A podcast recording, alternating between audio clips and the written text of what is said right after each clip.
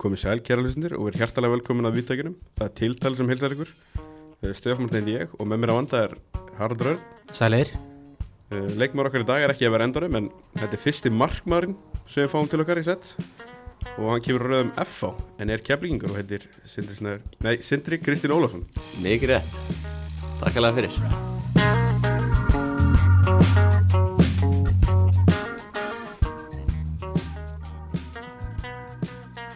Það er Sindri. Þú velur þessir menn með Valdimar. Já, Er eitthvað svona saga bak við það eða er þetta bara keflíska taugin? um, þú sendir mér náttúrulega að ég þurfti að velja mér eitthvað stef til að byrja þennan þátt og ég er doldið mikill tónlistar áhuga maður þannig að ég fór alveg þýlitt að hugsa og fór að hlusta á flest byrjunarstefin hjá mönnum og mér fannst vant eitthvað nýtt í þetta og þetta laga aðra fyrir valinu, það voru nokkuð sem kom til greina en já, já, síðan náttúrulega er Valdimar minn maður sko, Já, keflist blóð. keflvís blóð Höldum það ekki? Nei, En þú er- náttúrulega vilt hafa allt, allt á síðunni sinum Já, svona, það skemmir ekkert. Það er gæðið þaðan Rétt. Þó við séum vissulega sikkur um eigin hann en, Já, eins og það er. en við erum aðeins einir í þessari viku með, með þáttinn Það var að kenna bara mér um það Ég er er búin, mér, ég er búin að vera veikur. Já, en ég er svo sem þannig að ég var úti í Englandi að fylgja káa í Európa-bolta þannig að uh, ég tekið á mig en þið fáið þetta hvað núna bara er ekki bara, ætla ekki bara að setja út á nú, nú morgun Við neglum þessu bara bent út af því. bent út, já þannig að það er bara eitt dagur se- sein Jú, jú. Þá byrjum við bara frá byrjun. Það er fullt nafn. Sindri Kristinn Ólásson Takk, ekki eins og þessari mörgu snær Nei, allt öðru í sig takk. Leðir eftir þarna. Já, já En má gælnafnir kannski vera snær núna? Nei, nei um, Ég hef nú ekki mikið verið með gælun upp sko Það hafa verið einn og einn eitthvað fundið upp eitthvað silli og eitthvað svona en það er mikið oft bara Sindri Silli. Það er, Það er ræðilegt já, það er nafn. Ja. ég man eftir einum úr grunnskóla sko, sem var einmitt markmaður líka hérna uh, við gætum hendi hend því á því núna sko, City Keep sko. Já, það, það er eitthvað sko Það er Já. alltaf skárin silli sko City Keep. já, er City ekkert Keep er skárra, sko. City Keep er legend sko, sjáttu það þig Kjartan henni kalla mér reyndar alltaf sætlitu já, Sætletu. Já, það er eitthvað nýtt hjá honum En annars er rosa lítið um gælunum Bara Sindri yfirleitt Já, herru. Þá er það aldur. 2006, 97 mótil alright Hjúskapastað. Herðu, trúlóðar Það er svoleiðis. Það er svoleiðis já, Það er svo ekki nýtt að við fáum ykk- ykkur fasta menninga nei, nei, Nei, nei, eða konur. nei, nei, það er bara Það er betra að vera fastur heldur en ekki Það er þetta helbíti góða bútur. Uh, Hvernig leggstuðin fyrsta leik með mistarflokki? Ég leik með fyrsta leik í deildarkeppni þá Pepsi-deildin 2014 á lögutarsvelli á móti fram kom þá inn á þegar um, þá var Jónas Sangvist almarkmaður í kjafleik svíi og Átni Freyr Áskers var í markinu því að hann fór í frækt fræga brúköpsverð það tímabil og ég var á bekknum. En Átni róta, steinrótaðist á 50. myndu og ég kom inn á þeim leik og það var fyrsti leikunum minn en ég spilaði aftur á móti 2-3 aðra leiki hætti tímabil síðan út af meðslum hjá einu markmann en þetta var fyrsti svona deildaleikunum sem taldi eitthvað en ég spilaði eitthvað og eitthvað svona áraður Steffi, þú veist að ég elska alltaf að gera þetta við hérna, gera núna starfræðina, hvað var Sindri gamall 2014 2014. Þetta er 17. já, herði, beinti mark. Tíu. Eftir aldrei. já, náður, að, náður eitthvað að, hérna, standa þetta tímbil þessar, þessi, uh, þessi leikur sem ég kom inn á náttúrulega um, ég spilaði eitthvað rúmar 30 og eitthvað mínútur. Og það var náttúrulega bara einhvern veginn bara svona survival mót sem 17 ára markmaður að koma inn á og lögðis alltaf mótið fram, staðan var 1-1 og já, þetta var en það var náttúrulega reyndi leikmenn í liðinu þú veist eins og Haraldur Freyr Guðmundsson og fleiri og þannig að það var rosa auðvelt að koma inn og þeir náttúrulega kannski gerast át og þegar kemur svo ungum markmaður en þá reyna þær að vendan og þeir að gera það og þetta var einhver eitt og skot sem ég greip þægilega og tók einhverja fyrirgjafir þannig að ég slapp mjög vel frá allavega þessum leik. Hver var það sjálfa? uh, Kristján Guðmunds. Kristján Sá Guðmunds. miklu mestari, Stjáni. Um, Og síðan spilaði ég, byrjaði Einhver nokkru viku setna um, Og kom samt bara mjög þægilega frá þessum Hamarleik Og IBVF leikurinn var bara líka fín um, það, það er einn svona þurfti maður að surviva 90 mínútur og, og en þú veist eins og segja Stjáni Guðmunds og allir strákar í kring bara gerða það mjög öðvöld fyrir mig. Hversu stressandi var þetta þegar Stjáni gaði merkjum að þú var að fara að koma inn á? Í rauninu var Stjáni ekki svo stressaður það var markmannstjálfari sem var uh, með mig þarna sem heitir Sævar Júliusson Hvað, hversu stressandi varst þú þegar hann verði? Sindri, sko ég, ég var ekki eitthvað að missa mig sko en Sæ- Sævar gamli markmannstjálfari sem flesti þekkja þarna sem Sjúla hann, hann fór, hann var doldið stressaður og, og gerði mig þar alveg stressaðan en ég man alveg mjög vel eftir að Maggi, Maggi Þorstens þarna var á bekknum og hann svona hrifsaði hans í mig og, og svona saman slaka og þá náðum maður meiri ró þannig að ég var heppið með mannskapin í kringum mig. Það var náttúrulega alveg kanonur þarna á þessu tímabili. Það voru alvöru kannur Já, en hver er svona uppáhalds drikkurinn? Þetta er góð spurning. Um, Ég myndi segja að ég er mjög mikil seven up maður. Svona eitthvað friskandi Vannmyndið, Vannmyndi sko. Það er gott sjátt sko. Já, það er mjög vannmyndið En ertu eitthvað þannig að fá þér eitthvað þú ert í fríi Að sulla eitthvað? Já, Já, það kemur alveg fyrir sko. Hvað er það uppáldið En þar? Þá er ég líka dóldi í eitthvað svona uh, frískandi sko. Ég er dóldi fyrir það. Ég Mér finnst mjög gott að fá þarna bara drikkin Já, sem mjög þælur og er svona Ég er lítill bjórmaður en ég get alveg fengið mér einn og einn upp á stemninguna. Einmitt, og þá er bara light. Já Bara svona létt og frískandi. Já, Það- ég er dóldi fyrir þetta létt og frískandi. Þú ert svona sumastrákur Já, gott sjálf. Já, en hver er þá svona uppáhalds matsölustöður? Stórsti spurt. Um, Ég verði eiginlega að, að, að, að gefa bestarunum þetta, langbest. Hanna, Já, ég er búin að koma í aðsjá. Svo mjög já. Ég veit, það, það er ekkert eitthvað Ég myndi ekki segja að vera 10 og 10 Það er bara svona, það stendur alltaf fyrir sínu og bara, já, er bara gott. Og bara einfalt. Já, Bennin hann er í rugglinu Hann er heldur, heldur góður. Gefum það. Gefum hann það. Heyrðu, Hvernig bíl er þá? Herði, ég er á Kia Ceed frá bílalegu Akureyrar. Já, Þannig ég á engan bíl en ég keirum á Kia Ceed. Já, besta bílalega landsins. Já, alveg skrjóður.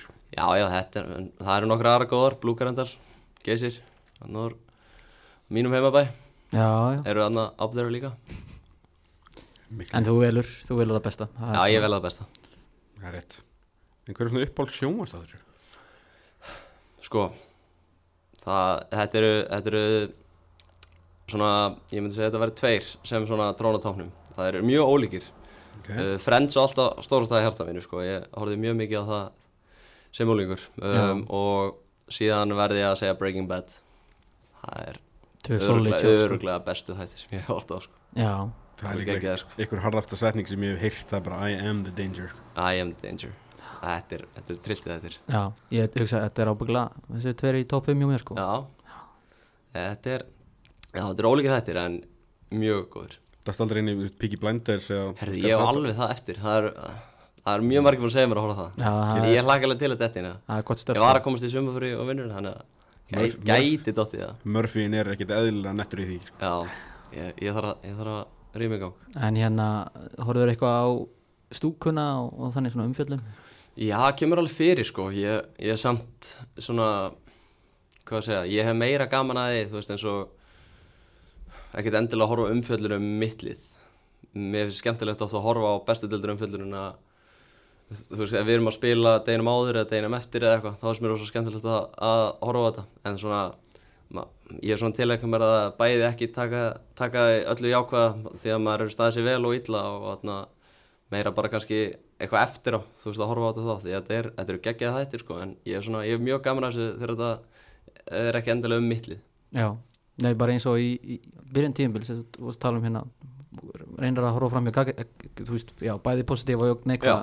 og fegst má gaggrinni í byrjun Mhm. tíðinbils algjörlega. Fór það ekkert í, ekkert í hausina þér? S- þú veist, það er mjög auðvelt að segja bara nei, þetta, þetta fór ekki til þessum en auðvitað, þú veist, maður er að spila fyrir nýtt lið og það er maður dóldi maður er með skotmarka bækin á sér ef maður klúrar einhverju og, og það tókst bara strax í fyrsta leik og það er náttúrulega, þetta voru mjög þetta var bara galið útlöp það sem þú ert að vitni í sko. Og þú veist, auðvelt að, að, að skjóta á mann sko en síðan bara skiptir bara mestu máli hvað veist, heimir, fjallar, venni þú veist, allir þeir segja og þú veist og ég vissi alveg best að ég átti að gera betur en þú veist, í svona stöku tilveikum þá, þá tek ég ekkert inn á mig ef, ef, ef það er ekki að vera að bauna á mér öllum áttum yfir einhverju einu atviki skilur en, en þú veist, ef þetta er konsistant þá svona, ke, ke, maður kemst því að, að fylgjast með þessu því að maður á vini sem fylgjast með þessu og, og fjölskyldu sem spyrja, það sástu þetta? og, en maður reynir alltaf bara ég veit alveg að allt þetta fólk meinar ekkert illa sko. Nei, það er að búið til sjónasefni En núna til dæmis eins og ég verið að fylgja stundum með og verið á keflaguleikinum mm -hmm. Þú er svolítið í kring keflaguliðið þegar þú ert ekki, ekki leikdag. Já, Þannig að þú veist, bara svona, hvernig finnst þér til dæmis eins og bara fylgjast með keflaguliðinu svona frá svona allt öðru perspektíf heldur en þú er kannski vanur? Eh, Þetta, þetta er mjög góð spurning, ég er náttúrulega er keflingur og hór, ég er svona ég er svona ekki kannski mikið í kringu en ég, ég mæti alla leiki þú veist heimaleiki sérstaklega þú veist, ef ég er ekki að, að spila sjálfur eða atna, eitthvað svoleiðis og það er náttúrulega bara út að uh, þeir eru mínu menn og allt það en atna, já, já þetta, er- þetta er mjög skrítið að, að setja upp í stúku og vera ekki að spila með þessu liði en hvað maður segja, maður er bara búin að uh, fljóta að venjast. En já, Já Er svona bara eins og, og keflaguliðið núna skilju, Mhm. inn, inn í fyrstu umferð þá ekki unni síðan þú veist, það er bras á liðinu. Hvernig er svona sem bara einhver harðast keflík sem við veit um að horfa á þetta? Þetta er erfitt en einhvern veginn ég hef einhvern veginn bara uh, meira trú á þessu liði skilur bara, mér finnst það ekki vera svona opbáslega slagt þeir eru, já, þú veist bara eru búin að vera klaufar og óhefnir og nákvæmst annað. Og þarna en ég hef alveg full að trú að, að þeir geti þetta en þetta lítur ekki vel út. Þeir eru búin að vinna einn fótballaleik er í fyrstu umferð. Já, í fyrstum ferð Þannig að en þeir verður bara að halda áfram. Ég er náttúrulega helst fyrst og, helst fyrst og fremst núna með FH og verðum að gera það sem við getum gert í að reyna fróður töfluna en ég er náttúrulega vonast til að mínum menn falla ekki. Var eitthvað erfiðar að fara frá Keflavík núna í vetur þegar þú sást svona, það voru svona margi máttastólpar í leiðinu að fara N- Í sjálfu sér ekki, ég er rauninni svona doldið ef ég að vera hreinskilin að svona auðvelda einhvern veginn út af því að ég, ég er náttúrulega vonaðist til að við myndum að halda flestum og gera meira allu því að liðið var mjög gott í fyrra. Þannig að já, það er veginn svona þegar maður sá hvað að vara kvarnast hratt úr þessu þá gerði einhvern veginn aðeins bara jafnvel auðveldur að skoða hérna möguleikana. Mm. Já, ég minna þú veist það náttúrulega voru margir að fara og náttúrulega svo sem tíkt rætt að keflæk var í vesenni, Mhm. þurft að losa vissulega, þannig að Já, já. þetta er kannski svona leiðileg staða sem lendi í en bara þú veist, svona er þetta bara. Já, þetta er bara fótbolti og, og þetta er þar maður ofta að hugsa um sjálfa sig og, og þarna, ég var bara komin á þann stað af ferlinum að vilja prófa eitthvað nýtt og ég sé ekkert eftir því skrifu Nei. En þá kannski svona aftur að back to the drawing board hérna. Já, Þá hver er uppáhalds tónlistamæður? íslenski er Bubi Mortens. Það er minn maður alla leið. Vá, Erlendur á Dæði Streits Það er straight Já, Já, Já. Það er nú Það er nú, við hefum ekki fengið það áður. Nei, nei. Dattaði hug. Það er, Ég hef ánæði með þetta samt. Já, Já, þetta er- er fín sjátt sko. Já. En hver er svona, ef þú tekur okkar hlaðvarp út fyrir svega hver er það, hvað er svona uppáhalds hlaðvarpið þitt? Það er mjög auðvelt að velja. Það er atna, markmannshanskandirast Albert Camus með Guðmundi Þorbirni, þetta er það ekki?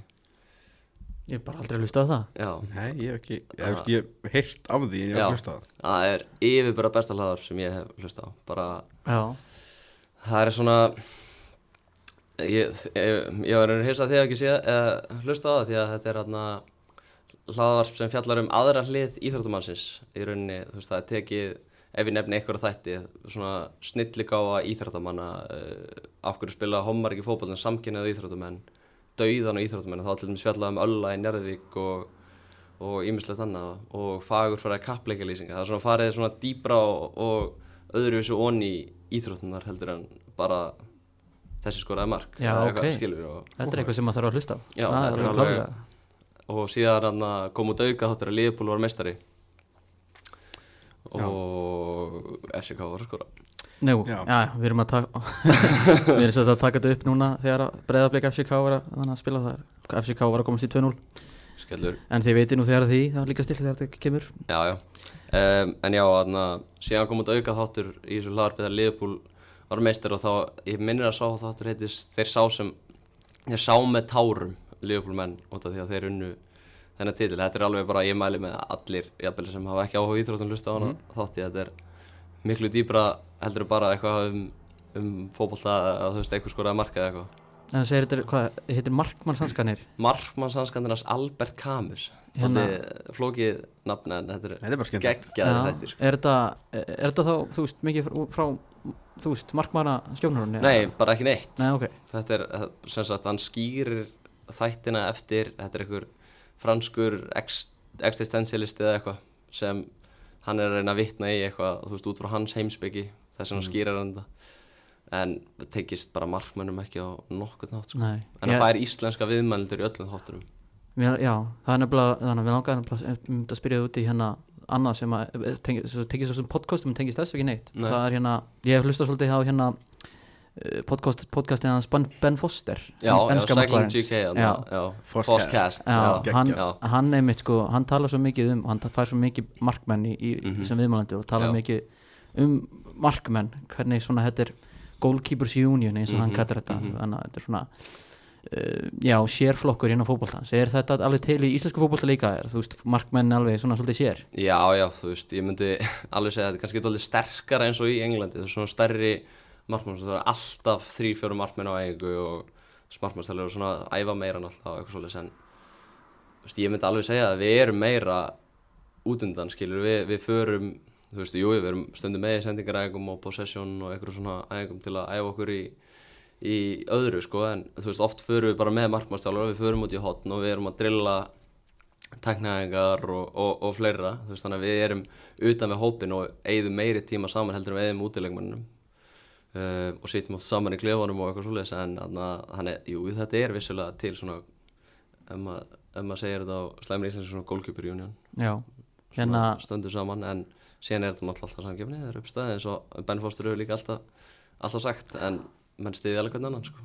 hann veit líka meina að, að markmennir eru hérna gáðaðir en útileikmennir er það rétt líka?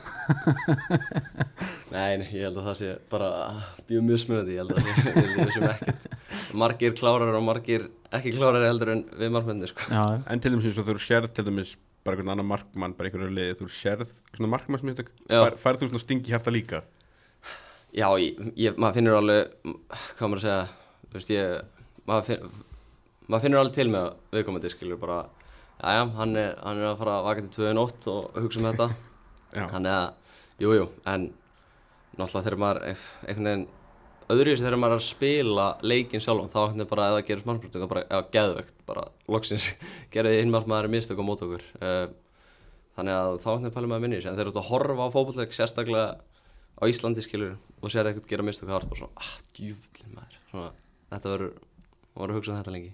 Og ertu ofta að veist, horfa á leik, þú veist, þegar ertu í stúkunni eitthvað og kemur hotspinna og ertu, ertu ofta svona okkur fer ekki út í þetta, fara út í þetta, hoppa út í þetta? Já, já, þú veist, maður eins og ég, maður horfður stundum á þú veist, annar flokk þú veist, bæði þegar ég var í keflaði og F og kíkjum maður stundum á annarflokki þá var maður alltaf eitthvað eitthvað að hvetja á til þess að gera eitthvað eitthvað. Ma, maður kannski hvetur hvorki menn sem maður er að horfa á að spila í efstu dildi eða lengi dildina eitthvað til þess að gera eitthvað sko en, en þú veist, jú, maður hugsa síðan hugsa maður líka akkurat öfugt skilur þegar þú ert að spila á móti öðrum bara eitthvað, er vá, frábælega gert og hvernig uh, getur maður lært af þessu? Því að það er allir markmenn sem er svo mismöndi tækni og mismöndi hæfileika og, atna, og þú veist, ég hef líka reynd að tilheka mér sama, þú veist, oft eins og við fengum markmann frá Njarðvík þegar ég var í kjapleikan Áskeróra sem var hlutað U19 -ofnum. Mhm. svona tæknilega í fótballta alveg frábær og þú veist, hann kendi mér líka mikið þannig, þú veist, bara þóra og, og allt svoleiðis, þannig að þó að hann hafa bara verið 18-19 ára þá, þá reyndi ég að toga það sem hann var betri en ég reyndi ég að toga það til mín skilu, þannig að maður má ekki alltaf vera ef maður er eldri eða eitthvað að, að bæla þess að gæða niður sko, maður er að- líka að geta lært af þeim sko. Já, svona aðeins um kannski hlaðarpinu áfram mm -hmm. hlustar eitthvað Steve Dagskrá Herðu, ég, ég er mjög mikil fan að stýta og sko. svona villið þinn aðal stundismæður Já, það ekki. Já, Ég hef reyndar ekki hlusta á undanfæri, ég hlustaði svo grimt sko, en ég ég á kannski inni eitthvað þætti þar sem vilja er að tala um mig sko. já, hann er alltaf hrósaður Já, það er gott. alltaf minn maður Já, já, já. það mér finnst þetta geggjaði sko, mér finnst sérstaklega gaman þegar að fá líka eitthvað gesti sko. Já, það er mjög skemmtilegt. Sérstaklega að fá Björn Daniel og Aron Pálmarsson þáttur einn, ef þú ert ekki búin að hlusta á hann Það er verður að hlusta á hann það er bestið þáttur sem ég hef heyrt. Hann er geggjað sko. Þessar sögur hérna, það er, ég er bara að mæli með. Já, við ætlum ekki segja neitt, bara til hlusti og þið munu skilja. Já, Nei, þá er að finnast í Íslandingurinn ég ætla að segja Pétur Jóhann og, og já, ég veist hann eiginlega bara langfinnastur sko. Hann, að- hann hefur ekkert fyrir því hann, hann, er, hann bara, bara hlæja eða brosa eða eitthvað bara fer ég að hlæja á hann sko. Hann, hann, hann er alveg bara hann er mitt sjótt já, bara geggja sjátt það er sko ótrúlegt hvað hann hefur lítið fyrir þessu. Já, hann bara er hann og maður byrja bara að hlæja. Já, hann er bara já, já. hann þarf ekki annað að bara vera að brosa eða eitthvað bara já. Eh, er eitthvað lið sem þú myndir aldrei spila með? Vá. Nei, ég held ekki sko. Opn fyrir öllum? Já, allavega, já, allavega á Íslandi 100% sko. Ég myndi, já, þú veist Ég myndi örgulega ekki fara að spila í Þú veist, eitthvað staðar Kazakstan eða, þú veist, ég veit það ekki Eitthvað staðar langt, langt í burtu. Nei, Þú veist, myndir ekki spila í Rúslandi eins og þannig í dag? Nei, til dæmis. Þannig að, þú veist, ég myndi, ég myndi ólíklega að fara eitthvað Hinnum en hnöttin að spila Nema bara, já. Ja, hvar var var það sem- hvar var það sem gummi mökk var? Það ekki Líbanon eða eitthvað? Já, já, hann fekk, hann fekk tilbúð frá, já, frá Líbanon held ég. Já.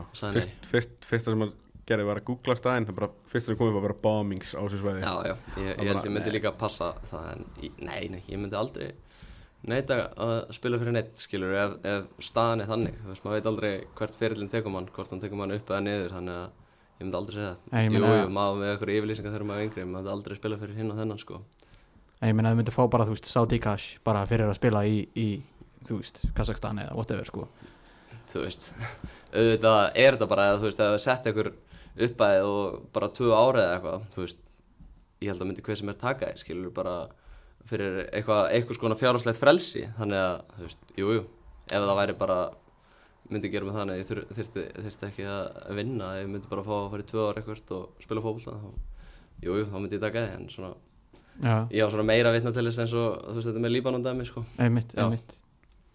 En er einhver svona staður bara, bara staðsetning sem að þú myndir svona, já, ég er ekki til að vera þarna sko. eins og, á Íslandi já, valur reyða fyrir Jesus. ég, ég, er ekki, ekki mikið verið fyrir austan sko, þannig að ég veit það ekki, ég er náttúrulega svo það, ágætlega, sko. til, þú veist bara út á landskylur, þannig að það er svona ekkert, ég myndi ég er alveg til ekkert um að þegar maður eldist að prófa eitthvað út á landi, þannig að stjórnaformenn sem er að hlusta mögulega, þeir vita að þú ert opið fyrir því að fara út á land. Já já, kannski eitthvað eftir 30, eftir því, það er ekki langt í það. Ekki nema, já, nei nei, það er fjórar, það er ekki svo langt í það. Nei, nei, nei. Herri, hver er besti leikmaður sem þú mætt?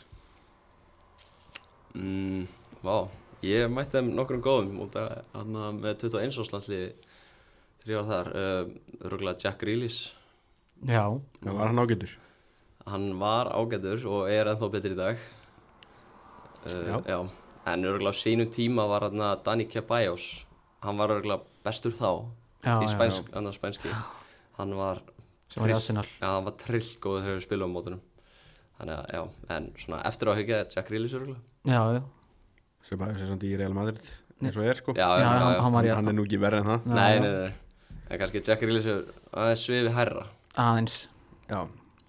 Þannig að ég, ég verð ekki á honum þetta sjátt hver er besti þjálfarinn sem þú har haft?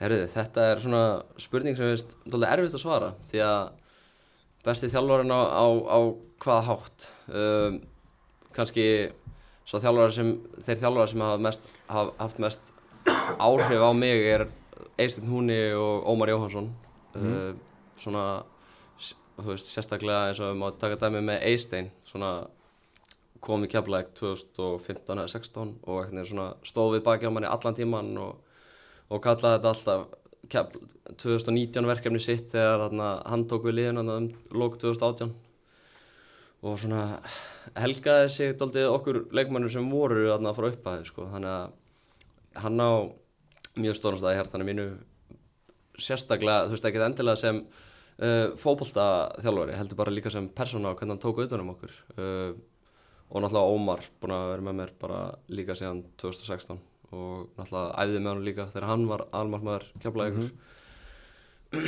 en síðan er já, ég get náttúrulega ekki nefnt alla þjálfarana þetta, þú mér langar að gera það, þú veist, mér langar að gefa Sigareka sjátt og, og Kristján Guðmunds og Sórunni Ljúbisits og öllum þessum sem að þjálfa mig. Uh, en þú veist, þá er Heimir er í- held ég besti managerinn alveg 100% hvernig hann stjórnar klubnum og liðinu bara, þá er hann alveg bara í sérflokki. Alveg ára yfir honum. E, já, og maður virðir hann og virðir hann allir og hann virðir mann og hann er að ég myndi Heimir er besti manager sem ég hef nokkuð mann haft. Komst það sinna og tók utanum ykkur eftir 2018 tímbilið það er náttúrulega þú náttúrulega varst partar af þessu kemlaguliði já, passa, fjögur stig. Já, fjórubóndar fjórubóndar, gekk ekki hérlega vel. Nei gekk ekkert sérlega vel. Bara svona ef, þú horfður svona tilbaka á það tímbil maður mað tal, til þá starta að tala um að þú læra mistykunum hversu lærður ert þú eftir það tímbil sko mér fannst ég vera nógu lærður eftir að ég kom inn 2015 18 ára og spilaði sinustu 15 leikina eða eitthvað. Ég spilaði total 15 leiki og það var eitthvað annað smá gatt sem að hann fór aftur í marki á hollendingurinn. En við fjallum þá með 10 stig við erum tvo leiki. Mm. Þá svona held ég erið ok? Svona ég er búinn að skítfalla. Um, fyrir síðan upp bara nokkuð þægilegt 2017 og þú veist maður einhvern veginn hafði aldrei trúið að þetta myndi fara eins og þetta fór. Því að liðið var fínt og voru með mjög sterka posta en einhvern veginn bara brugðust stóri postandir okkur. Og, og meðal annars einn af þessum stóðstu postum kannski uh, stjórnin á þeim tíma og þjálfarinn fór og, það og við vorum bara skildir eftir mjög ungt lið sem bara fáur hefði spilið í efstu deild og allt gekk á afturfótunum. Við gátum ekki skora á fótbollamörk og þá vinnur ekki leiki og sjálfstörstu fóða mingandi með hverjuleiknum og þannig að það var veginn svona röð aðtöka það var mjög gaman að grifja þetta ekkert um sko, en þetta er, en já ég ætla ekki að segja, ma maður var doldið skólaður eftir þetta því að maður var búin að láta berja heldur vel á sér en ég held að tímabili 2019 hafi verið miklu meiri líkilega því hvernig kjaplega greið síðan aftur upp heldur en þetta 2018 tímabil. Já og síðan þegar komið upp aftur þú voruð þá aldrei bara "Heyrðu, við verðum að vinna leikin bara strax. Sko við, við náttúrulega erum hann að 2019 þá bara sópuðu við einhvern 16 leiknum minnum í burtu bara að fara allir nema bara bara líka við uppaldir og við fáum einn útlending sem reyndar var ekkert frábær fyrir okkur. Uh, Barros sem reyndi síðan frábær fyrir reynismenn. Mm uh, já og við vorum bara þarna, með meðalaldur 19 ára eða hvað í liðinu. Og, og þarna, og þú veist við enduðum að í 15 seti bara og Janko kom hann inn með Eistein og þú veist bara gerði okkur alla miklu betri í fótbolta. Og þú veist það einhvern veginn var bara drauma tímabili fyrir okkur að, að ná að, að halda okkur allir saman og, og reynir bara tóra í lengjudildin því að það stemdi aldrei að verðum í, í bóttbaratu á þarna tíma en síðan náðu að vinna nokkur leikir og, og hífa okkur aðeins upp. Mhm. en síðan, fer, síðan alltaf kemur Siggir ekki hann inn 2019 sem einhver svona íþróttasálfræðingu til okkar. Og Eisteinn tekur hann með sér síðan 2020 og verða þær tveir aðalþjálfarar. Og þá einhvern veginn var liðið bæði liðið, uh, stjórn og allir fjárhagur komin í miklu betra horf leikmenn orðið betri og þá var einhvern veginn, og, og þú veist, búin að fá einn annan frábæna þjálfara og þá var var hægt að gera allu á því að við ætlum að stefna upp. Sem bara gekk því að við bara flugum upp og já sem var veginn líkilega því. En síðan ef við svarum spurningunni ef við verðum að vinna þennan fyrsta leik þá byrjum við náttúrulega ræðilega það er svona, ég held að við höfum tapað fyrstu hvað, fjórun leikunum eða eitthvað? Já, eitthvað leiðis og ég man bara þegar, þegar er fjallið og sér komin upp þá var þú veist eins og Dr. Fútból fleiri bara Mhm. voru búin að afskjöru strax og bara farið að tala um það ætti eiginlega að vera búið að banna ykkur að koma upp. Já, já, já. Nei, ég er, er að rögla tímabilu 2008 þá unnu við annar við fyrir móti stjórnunni og síðan töpuðu við einhverju leikum í kjölfarið. Og vorum bara með þrjú stig eftir sex umferðir, sjö umferðir eða eitthvað.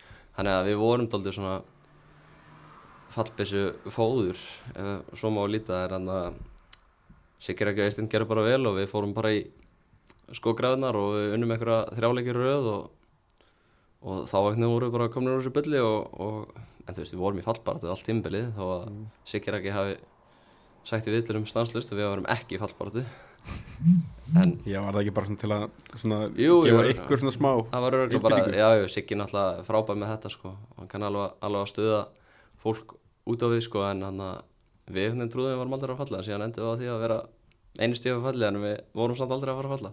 Já, og ég held liðinu alltaf bara uppi eða þú veist þeir tveir, bara frábæra nátt já. Það, e- eftir það tímbil þá skildu leiðir þeirra melli, ekki? Jú, passar Já, og mikið talað um að það var nú ekki, það var svo styrt á milli þeirra, þetta tímbil. Já, Og Eist, ég mér svo tók viðtal við Eistein þar sem hann sagði sko að þið var svo sem ekkert að gefa okkur öðrum blóm eða neitt svoleiðis. nei það er bara mjög vel orðað hjá einhvern veginn mér fannst mjög leðilegt þegar gáttu ekki unni saman því að mér fannst Eistinu runni vega sigga upp og, og öfugt þeir einhvern veginn svona voru mjög ólíka personur en mér fannst þeir vega hvernig annan mjög vel upp bæði sem sagt uh, þú veist, Eistið sérstaklega með allt þetta gritt dæmi þú veist, bara frábær þar.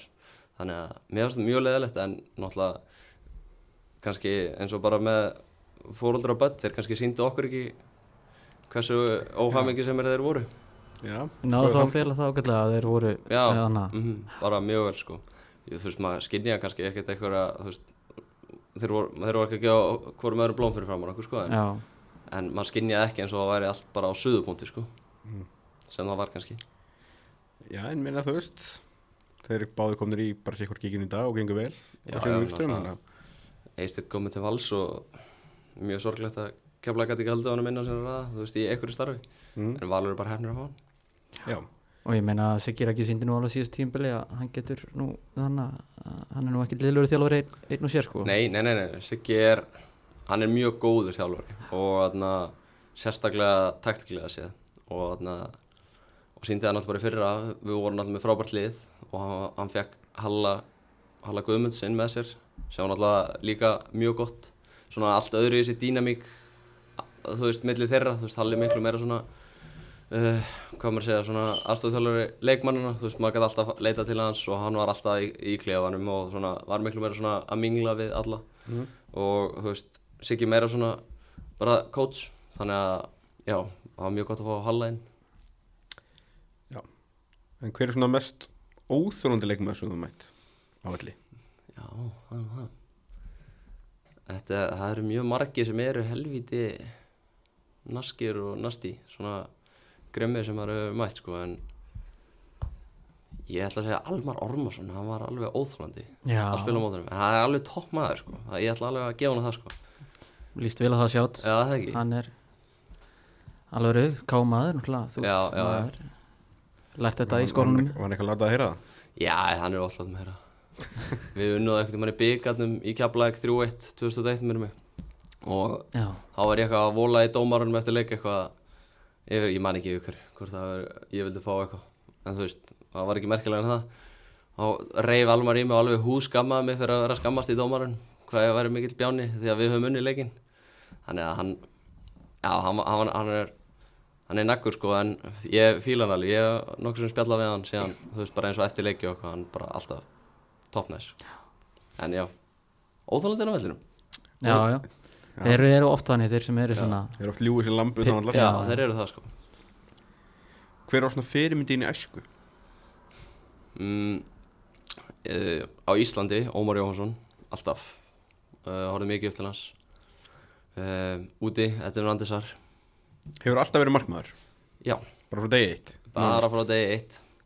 Ég, já, ég sem sagt var alltaf í körfubólta áður en ég byrjaði í fótbolta en síðan bara var ég ekkert um að ágættur í marki í frímjöndurum í Melubakaskóla og það var félagið mér sem dróð mig með á æfingu og ég var bara strax fýtt sko þannig að já, ég er bara í markið frá því að ég mætti á fyrsta æfingunum mína Já, Hefur ekki litið um öll síðan? Nei, ég tek, ég sé, ég tek eftir eina einu tattoo með á hendinni hérna, Já. það er uh, ég, ég veit ekki hvort þetta tekist eitthvað svona fyrirmyndin dæmi en ég bara, getur uh, þú Já, lýst þetta, þessu? þetta er sem sagt uh, ég, nummer eitt Já. og Ísak Óli bróður minn, nummer 22 Við spilum saman í Keflæk uh, einhver þrjú eða fjögur, fjögur tímabil um, og hann er náttúrulega í aturmennsku núna og já, og hann hefur bara við höfum báðir hjálpað hverjum öðrum mjög mikið genum tíðina með hana fótbolta hann að blessa fótbolta þannig að já, bara Mér langaði einhvern veginn bara að setja þessa minningu, þú veist, þetta er við að horfa á, á völlin í Keflæk og þú veist, öll húsin í Keflæk í bakgrunn.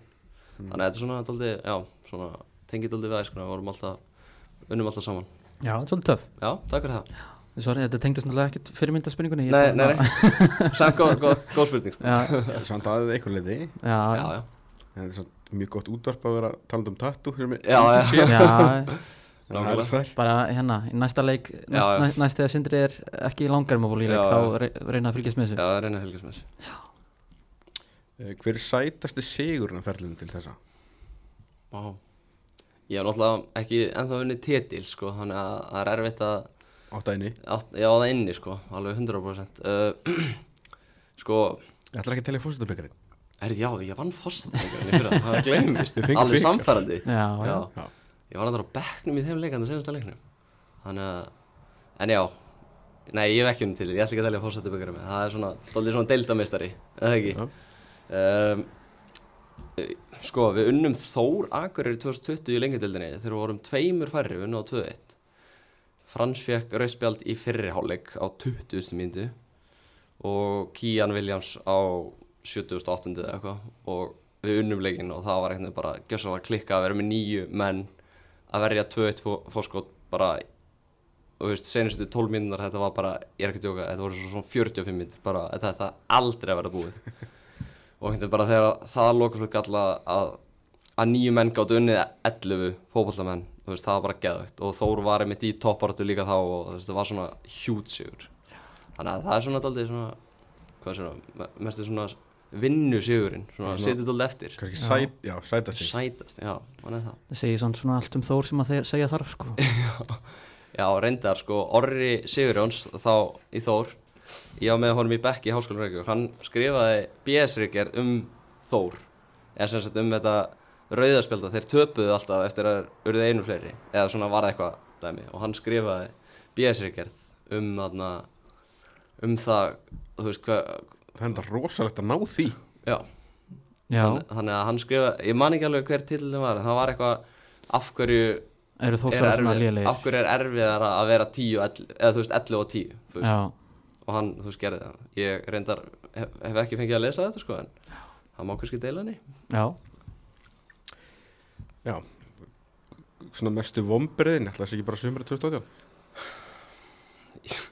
Í- það, það er einhvern veginn sko, miklu meira en vombriði sko, það tímabil. Svona, en samt einhvern veginn var maður eitthvað svo helbless þú veist, Já. maður var bara einn, þú veist hvað 21 og skutt í markinu og með fullt af öðrum 18, 19, 20 ára guttum skilur, ma maður var eitthvað svo gjössanlega helbless að na, ég veit ekki hversu mikið vombrið, með að stegna þeirri fjallin 2015 þá ekkert bara svona dó eitthvað í kjaplæk, bara svona svona, þetta var svo reykjulega vombrið kjaplæk og svo lengi efstu tild og eitthvað svona þannig að já, 2018 var eitthvað meira en vombrið sko.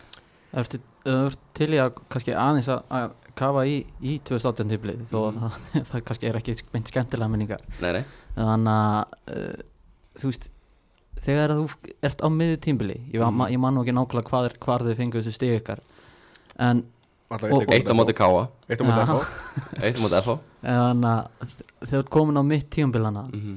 og þetta lítur svona hrikalega illa út. Og jafnvel þú ert komin lengra tímbil þú veist bara hvar hvar er hausinn, þú veist, hvernig líður þér þannig til dæmis bara?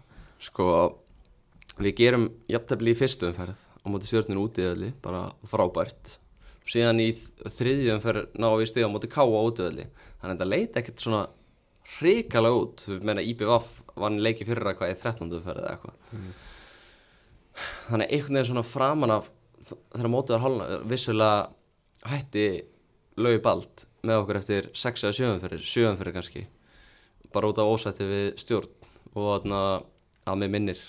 Um, þannig að ég held að það hafi verið í svona 14. umferð þegar við töfum ekkert mann ég man ekki hvar skaga eða eitthvað. Nei þeir voru ekki til þenni ef við töfum ekstra útvelli 4 eða 5-0 bara letum gjössanlega að pakka okkur á móti liði sem var í kringum okkur. Þá finnst ég bara svona er þið þetta, bara, þetta er ekki að fara að gera skilur við erum, nú erum við komin einhverjum 8, 9, 10 stigum og eftir næsta uh, við nótabenni, ég, ég er sér ekki ekki að við höfum skorað 11 mörkað tímbil þannig að maður hafði ekkert brjálað að trú eftir það en maður einhvern veginn bara þú veist, við reyndum að kroppa í stig og við náðum að þú veist, taka eitt af því stegin við bara, þú veist, við vorum eina skipti sem voru nálægt í að vinna fótballtæleik var á móti FH í Kaplakrika. Og þeir jöfnuðu á 850 myndu eða eitthvað. Það var eina skipti sem vorum actually því að vinna. Sko. annars bara voru við ekki nála Ég man eftir þessu tímabili að í loka umferðinni þá ég þið val. Já, og ég man bara svo vel eftir því fyrir þessu umferð þá voru all, allir blikar landsins búin að tellja alltaf trúum að þið gæti þetta. Já, þeir þurftu keflagisögur þannig að þeir gæti átt möguleika. Já Breiðablik þeir voru þurfti- því lík búin að bara herru keflagi bara að fara að vinna fyrsta leikin þannig Sko, breyðablík þurft að vinna og þeir eru að treysta á það að Vali myndi tapa á móti gefleik sem er ekki búið að vinna eitt fótballtaleik allt í umbili Ég man eftir því að við fórum í ykkur rútu og þegar við kerðum framhjá þarna smáranum, þarna niður beiguna þá búið að setja upp á þarna leddskiltið eða eitthvað bara eitthvað, þið getið þetta kefleik eða eitthvað, þú veist og það var búið að láta bóa að fá Hólmar Ördur núna að fá eitthvað ript kassa til að gefa liðinu, þú veist, þeir komið með þarna Hilmar Jökull og þeir með eitthvað, svo, veist, það var alveg búið að peppa okkur í drast síðan alltaf þrjúnulegt korter fyrir var skilur við, þú veist. Og þú veist, það var alveg við, við náttúrulega áttum ekki breyka, þú veist, það var bara tróðinn stúka og það voru svona átta keflingar Já, um, og það var allt foreldrar eða kærustur. Og um, þannig að bara leið fyrir breyðafleika að við höfum þurft að vera að mæta val- valana, þetta var náttúrulega en við endum á að skora. Við skorum markið mm með hælnum Helgi Þór, Þór. spilir þriði deild í dag. Skorum með hælnum skorum með hælnum þannig að já, en einhvern veginn, þú veist, jú, maður taldi sér trúum það, maður gæti valdið einhverjum usla. Þú veist, bara ef við náum að halda markinu hrein í fyrirháleik, skilur við, hvað, þá fyrir valur að panika, en síðan alltaf maður bara eftir kortir eins og það já, ég man bara eftir því hvað það var mikið líf í þessum blikum. Þeir voru svo bara herru það er ekki séns að kefla ekki fara ekki um heilt nýmla án þess að vinna eitt leik. þetta er leikur sem þeir eru að fara að vinna. Já, algjörlega, sko. En hvernig er það, þú veist, með svona tímabil? Eh, Þú veist, fer, fer ekki all, allt þetta dæmi fara að leka inn í persónulífið, skilur þú veist? Nærðu að halda hausnum, þú veist, bara, ok, þetta eru ömulítið í fótboltanum En ég, þú veist, ég er hafði samur í eigin lífi Eða, þú veist.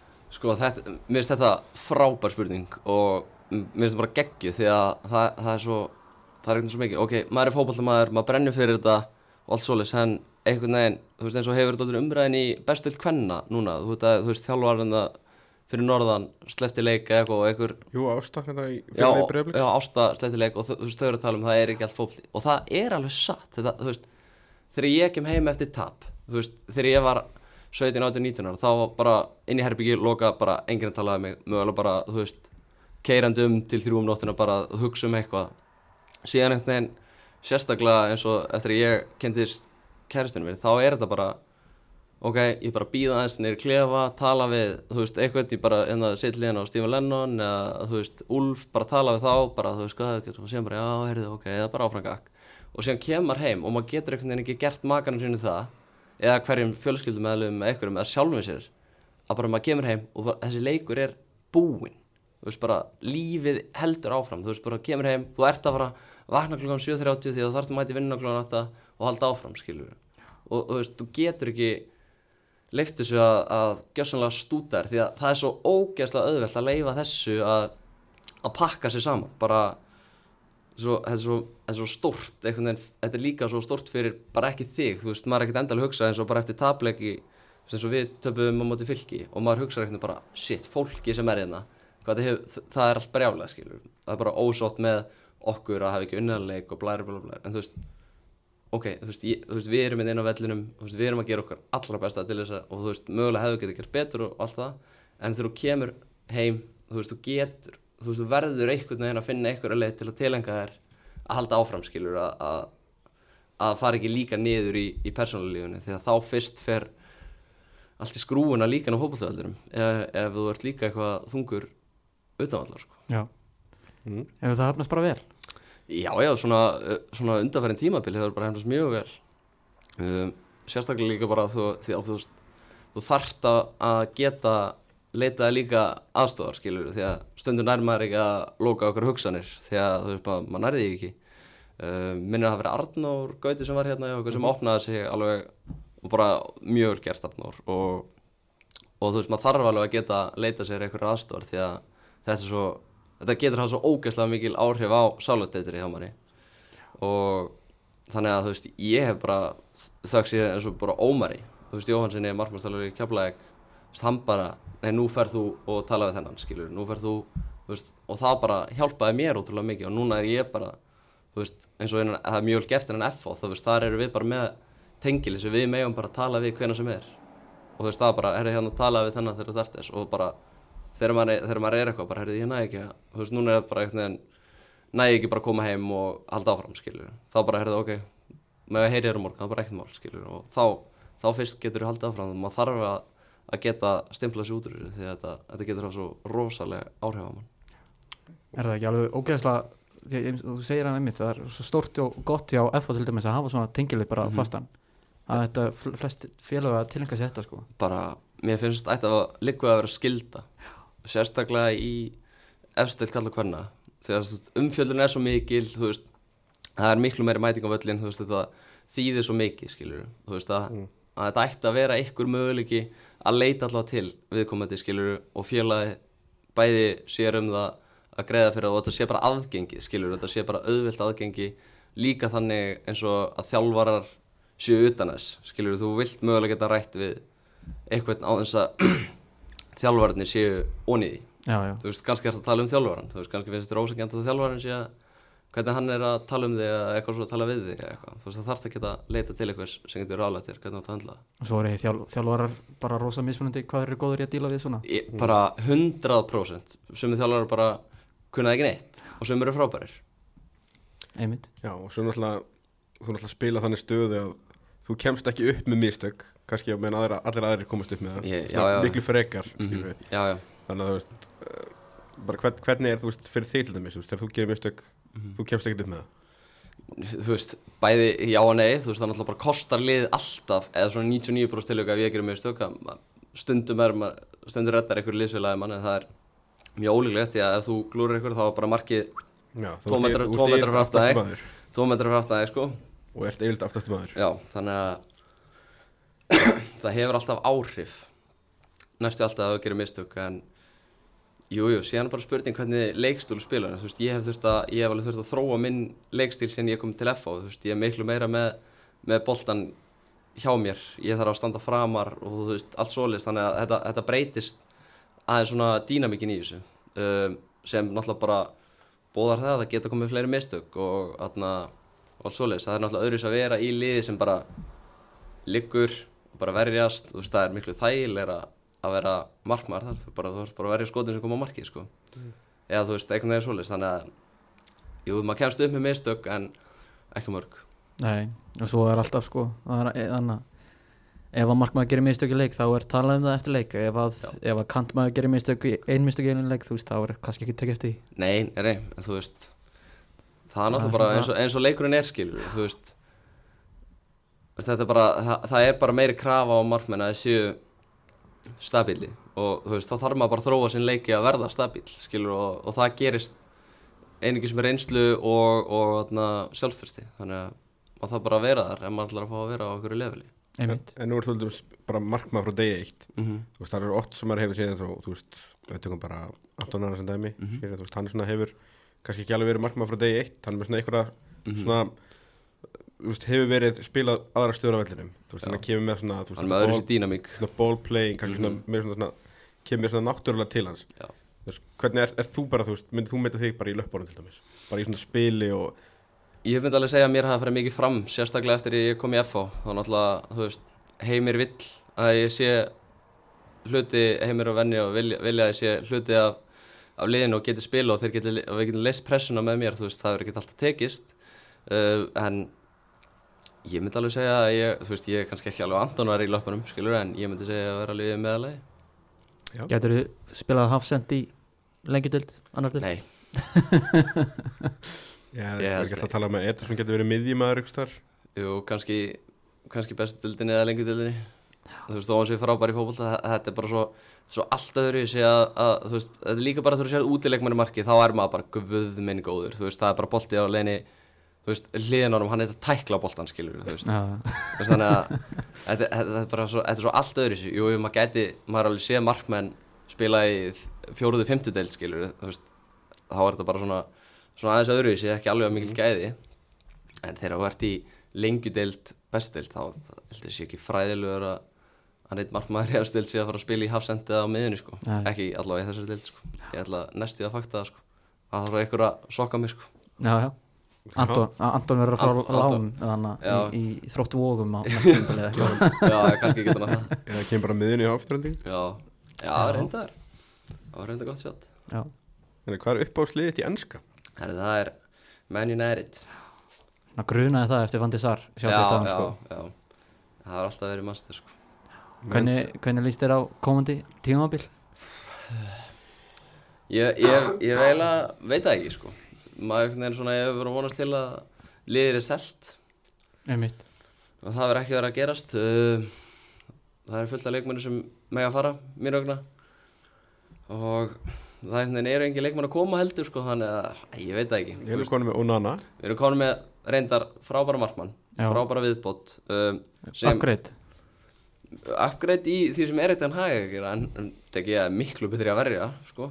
ég, ég vil alveg gefa hann það en kannski hann þarf ekki að verja það marga bolta sko, ef við getum haldið boltan svona mikið sko. Þú, þú, þú varst ekki á, á heitirvagninum á, á TH eða? hann náttúrulega átti ekki ok, þú veist, vann Golden Glove held oftast reynu og þú veist, var að verja vel en hann var að gera rosa mikið af og þú veist, það er líka munur að gera mistök skilur, ertu að vinna 4-0 og klúrir eitthvað þú veist, að pælinginni en þú veist, hann var ofta að gera þetta bara í 0-0 eða 1-0 eða þú veist, svona sem kostaði liðið svo ógeðslega mikið þannig að líka óheppin kannski þar að gera þau ekki á réttum tíma. Já. þannig að, þú veist, ég var ekkit heitir en ég var heldur ekkit einhver trilltur fan, sko. Nei, en hann var búin að vera mjög diggu þjótt sko, þannig að en með bara bolta sem Ten Hag spilar þú veist, hann fitta alveg fínt inn í þú veist, all, þú veist Mourinho og allt það þú veist, þannig að hann var bara frábær þar en Ten Hag boltinn hann bara ræður ekki við hann sko. en þú veist, þarft bara að vera með Andri og Nana sem er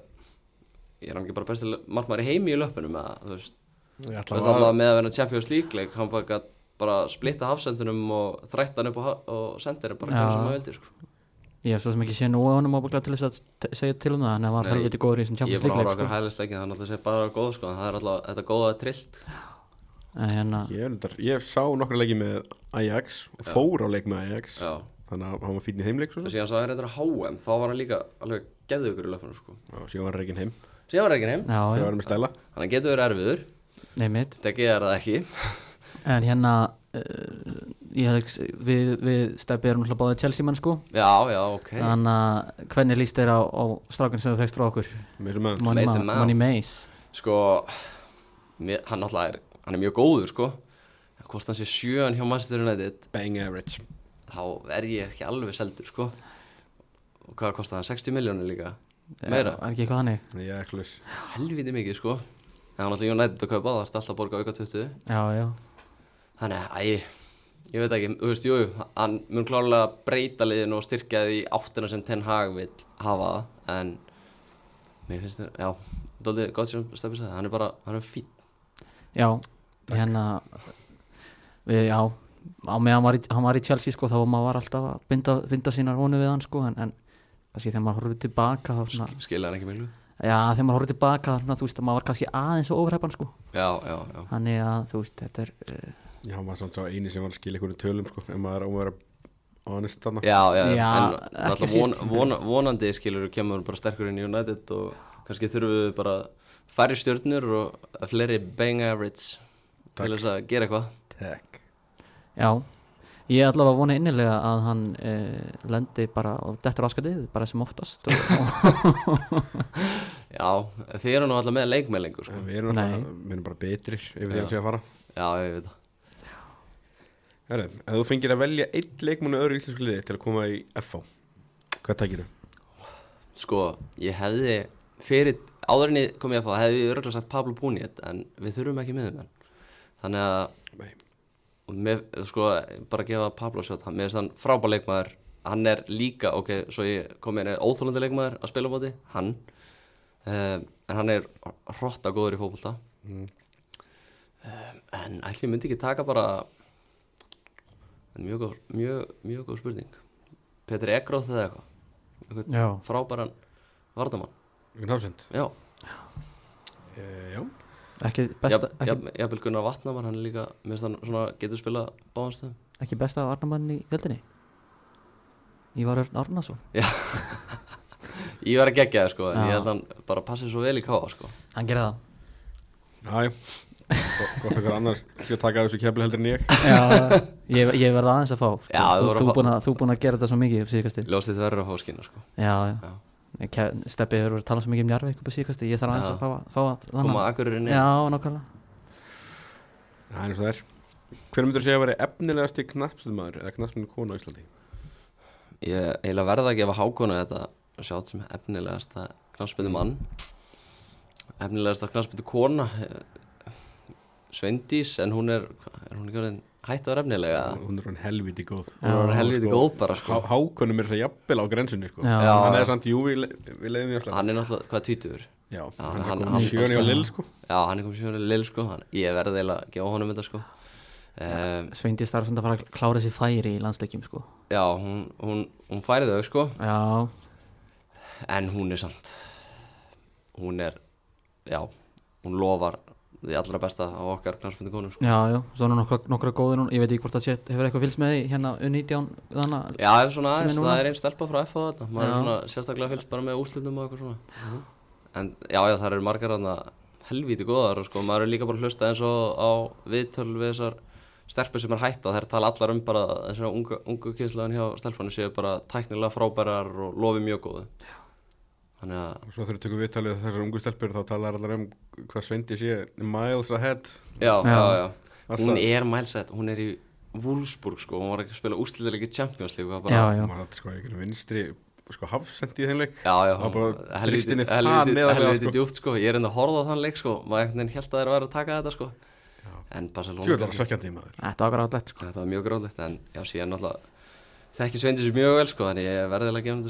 Þetta það er fá það. Já, Það er fóð það. Ég ætla að gíska að hún sé líka búin að fá öll sjáttinn Mögulega. Ef um aðeins fengið Það var Katla Tryggva hefur fengið. Já, Og hérna Hvað? Stjörnustelpunar Já. Mm. Nei, nei, þetta var aðeins verið dreikt sko. já, ok. Hver er myndalegsti knappstöðmaður Íslands? Vá. Viktor Karl Einarsson.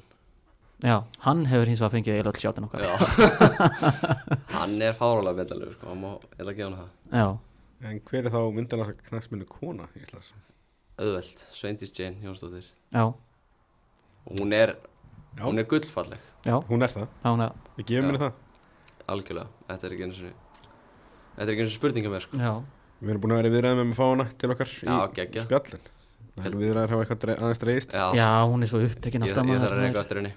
Já, ég bara, þú veist, þegar maður er svona, svona stórstjarnar þá er maður mikið upptekin já, já, algjörlega, en ég held mér bara- að sko að kærast mér sér sammálið að hún sé fallega þess að knarspurgóðlandsins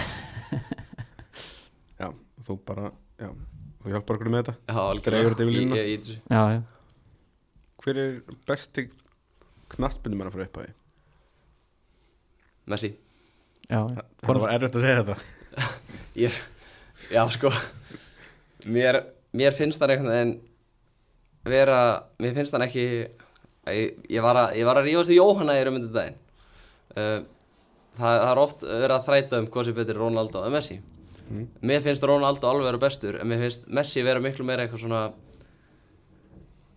snill, hann einhvern veginn áttar sig ekkert á hvað hann, mér finnst hann ekki alveg hann veit ekki alveg hvað hann er þetta bara gerist einhvern veginn hjá hann hann er bara maður, þú veist, allir leikmenn hafa dottið í leikæfingu það sem er í þessu svona flæði bara svona, Þetta er bara svo bara, bara sendingarnar það bara rennum í jörðinni bara, þú réttir hendun út, þú verðan hann fer aftur á leikmannin, þú verðan aftur bara, þú veist, það er allt, bara eins og í körubalt þú bara tekur skot og bara kastur hann upp í loftið hann fyrir honni þetta er veginn bara allt svoleiðis hjá honum hann bara, hann bara hefur aldrei dottið úr flæðinu. Nei, hann er bara alltaf í, í stöðu flæði og hann áttar sig ekki á því kannski, þú veist, þannig að mér finnst hann vera, þú veist allt öðru í þessi level heldur en Ronaldo Já, og Ronaldo, með, þú veist það veit allir Ronaldo miklu meira work ethic og lagt miklu meira kannski á sig.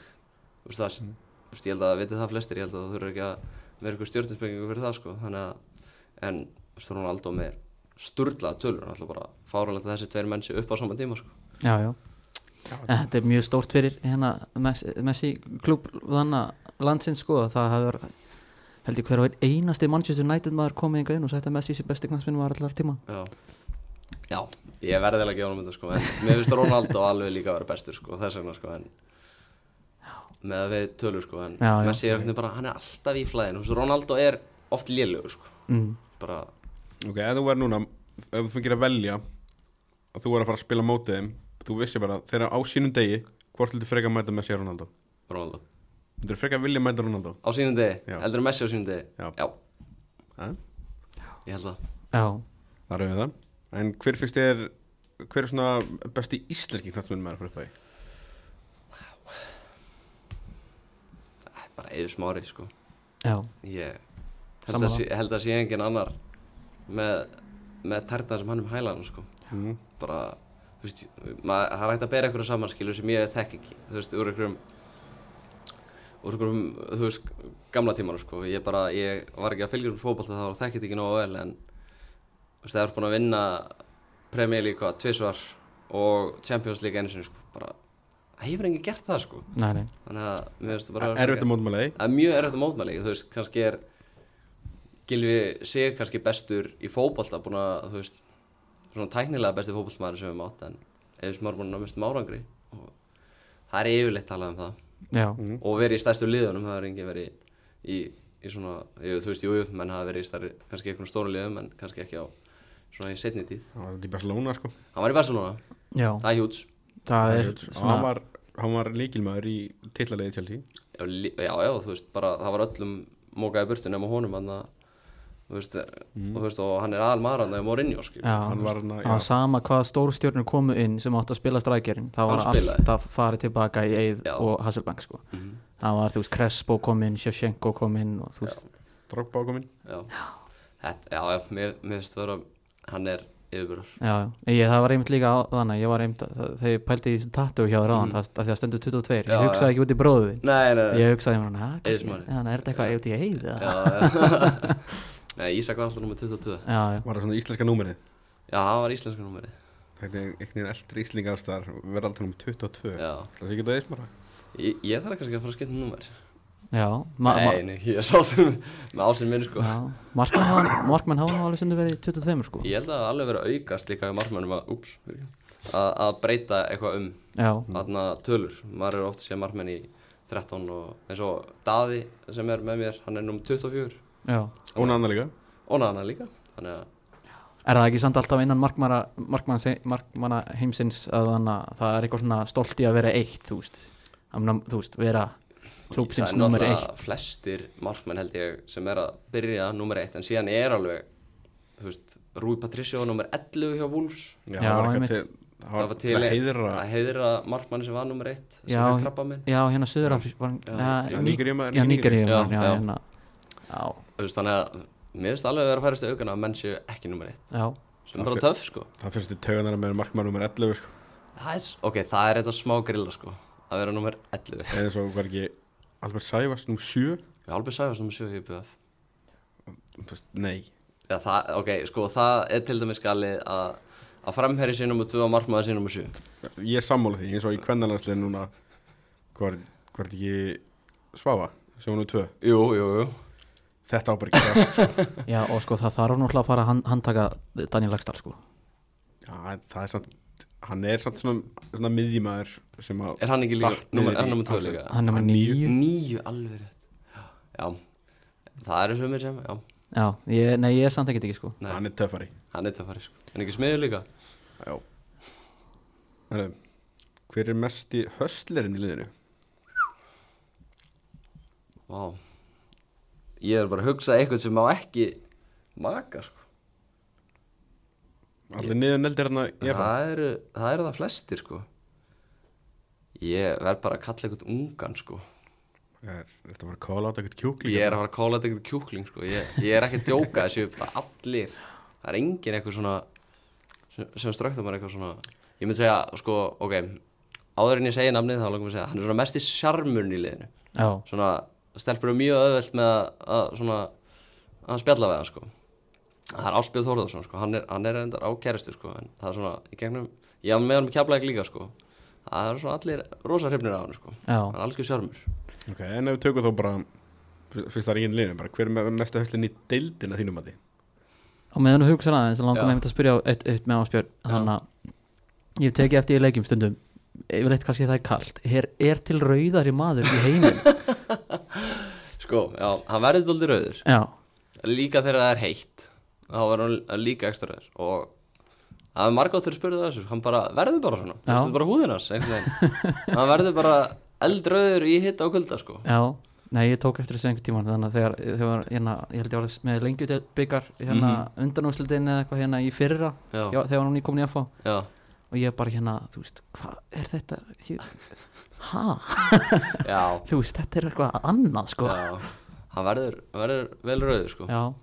Þannig, en það, En- það er en- ekkit á hann sko. nei, nei, en, en og eins og þú segir bara hann er hérna, sjarmur og myndalögu maður þannig Já. að það er svona, það er, bara einstaklega líka góður í, í kjáttinum sko. Já, En ég ætla að svara þetta fyrir spurninga, það, það er auðvelt. Ég ætla að gefa Kian Paul James sem var í Keflæk í fyrra og hitt í fyrra og árið þar. Já, Hann hann, já, hann yfirbúra sko. Já. Oliver Hösler Já, Hver er uppáhald staðurinn í Íslandi? uh, Rekstaðir á Barðaströnd fyrir vestan. Ég ætla ekki að þykist vita hver það er sko. Var vestfjörðum, já, rétt Er- á Patrísfyrði það er eitthvað fjölskyldu? Já, svona fjölskyldið aðsetri eða svona vegum bústaðar og, og já. Fóreldrar mínir eru það Já, ég átti að múna kepla ekki hann eða eitthvað. Já, er svona, ég myndi segja að það er svona uppáhaldstaðan að koma á, skilur Ég er náttúrulega Já. bý í Keflæk, skilur Þannig að svona, mann líður alltaf vel að koma á okkar Það er svona Já, það er ekkit, þægilegast að vera í Keflæk, sko. Það er ekkit sæbreytin eða neitt hjá þér? Nei, ég held að þú er mjög neðalega Sæbreytin, sko. Það er eins og það er. Saði eitthvað sæbreytin já já, við erum erum að rifja það upp svona kannski aðeins og oft. Já, já, ok. Já, Hún er hún hægt að heilsa mér þegar ég hitt hann nú sko. Já, já. uh, Segðu hvað á skemmtilega aðtíki sem er gestileik Já. Vá. Það er svo stórt, bara eitthvað eitthvað svona grilla eða? Já, bara eitthvað svona skemmtilegt sem er gestileik Já. Ég bara, er alveg blank á sko. Hefur enginn sagt eitthvað eitthvað aðstæðanlegt eða skrítið þegar þú er í, í horni eða eitthvað? Ég man bara alltaf eftir að Stephen Lennon var alltaf að þefa undir handagrikkun á mig þegar ég var í kjafleik og segja bara mót leitt á manni. Já, en þú veist, ég man ekki eftir einu eitthvað svona fáránlu eitthvað svona steikt atviki sko. Þetta er nú alveg fínt sko. Ég, ég reyndar er með, jú, þegar ég er með eitt ég þarna var að spila með öðrum flokki á Njarðvíku vellinum sem þegar ég var í öðrum flokki þá var kjafleik Njarðvík samina og við spilum móti stjörnun í í Íslandsmótinu og sem sagt það ætlar það, óð, strákur í liðinu mín sem heitir Óðin ætlar að reynsa nema hann slæsa boltan bara. Og hann er bara ætlar að reynsa og hann fyrir bara beint í loftið og ég grípa hann og dómar þetta mér ópen aukarspindu hann var alltaf ekkert að gefa mig, hann var alltaf að reynsa þannig að ég fór að greipa hann, hann hann ópen og ég gjössanlega tek trilling og útskýr það en hann breytti dómnum. Út af því að ég hrif svo mikið við hann þannig að það er eina skipti sem einhver hefur breytt dóm. Já, Þannig að þetta virkar. Það, þetta, það- þú veist, þess vegna er ég alltaf trilltur sko. eftir Það er að svona- eftir að atvik í Njárvík sko. Það er eitthvað sem gaf þið smá vonagleiti Haldi hana sem þannig eftir ég er. fer ennþá upp að Eiríks og gjössalega ríkjátt nei, nei, En þegar, einmitt, þegar gerist eitthvað svona í leikjum og Mhm. dómarinn dæmir eitthvað, þú veist, dæmi vitið eitthvað Þú veist, þegar ferði upp á dómarannum og ert að, ert, ert, þú veist, að mótmála því Trúur því innstinni að hann sé að fara að breyta því nei. Bara ekki neitt sko. En þú veist, eina sem maður getur vonast eftir þú veist, eins og ég man ég fekk rauðspjaldi fyrir mátti káa og þá kom Ásker Sigurgjars einn í gegn og hérna potaði boltanum framjá og hann svona hoppaði yfir löppin á mér og náði að setja svona, svona fara rétt í mig, þú veist, ég bombaði hann ekkert niður sko, en þú veist, jú, það var, var rauðspjald en hann sparkaði boltanum í hotfón og var búinn að gera það áður en ég kom að hann og Pétur bara Guðmunds bara flagga beint rauð og ég bara svona, erðu, þú veist, það var bæðið eitthvað maður fyrir aftan mig og þarna, og þú veist, voru ræðið og þú veist, hann gerði þetta bara vel, þú veist, hann bara, já, ok, býtu, ég ætla að fara að tala um manninu og svona, þá var ég bara svona, ætla hann í alveg að breyta þessu, en svo það, svont var ég alveg ekki að trúa því, sko, þannig að ég, ég held að virki bara best að, þú veist, tala við þá, þú veist, bara, þú veist, fá útskýringar líka, þú veist, bara eitthvað, af hverju er þetta, bara eitthvað, sem bara neyjur ósömmalega er, eða, þú veist, bara, við, ok, við getum rætt setna, en þetta er, þetta er bara svo mikla tilfinningar að maður gleymi sér bara, sko, en, Hef, Hefur dómarinn aldrei komið bara, er ég er búinn að lifta, ég er bara því miður, ég get ekki tekið þetta baka. Maður eru oft er dómar að segja bara eitthvað jú, mögulega gerði ég eitthvað skilur og þá, þá er maður svona passa sig að vera ekki pyrraður því að þeir eru að actually að viðkjanna já. það er að er mistök og maður finnst, það alveg ótrúlega vel gert sko. Er það ekki líka svolítið gott að þú veist að, að maður að veit að þeir hérna sjá eftir því? Já, ok, þá á ég svolítið inn í honum. Jú, mér finnst líka alveg við færast í aukan að dómar að séu að byggast afsökunar á, á röngum dómum. Já, sem er bara frábært skilur þá veginn er bara ok, þú veist, þú gerir mistök. Það var helvítis úrt og dýrt en anna, þetta er hluti af þessu. Og meðan við erum ekki með neitt var skilur um það þá, þá er þetta bara miklu erfara fyrir þá sko. Þú veist, út eitthvað getur bara svona bara svona veginn flautaði gegnum leikinn skilur því að ég hafði ekki með vafaðri þá bara, ég er með hundra myndaðalar til að sjá það en já, En ég það meina- var, var mjög skemmtileg hérna tilraun þegar að vorum að reyna að fá dómarana í viðtöl þannig sem Já, já, já. endist ekki lengi. Hvað var ekki eitt sumar?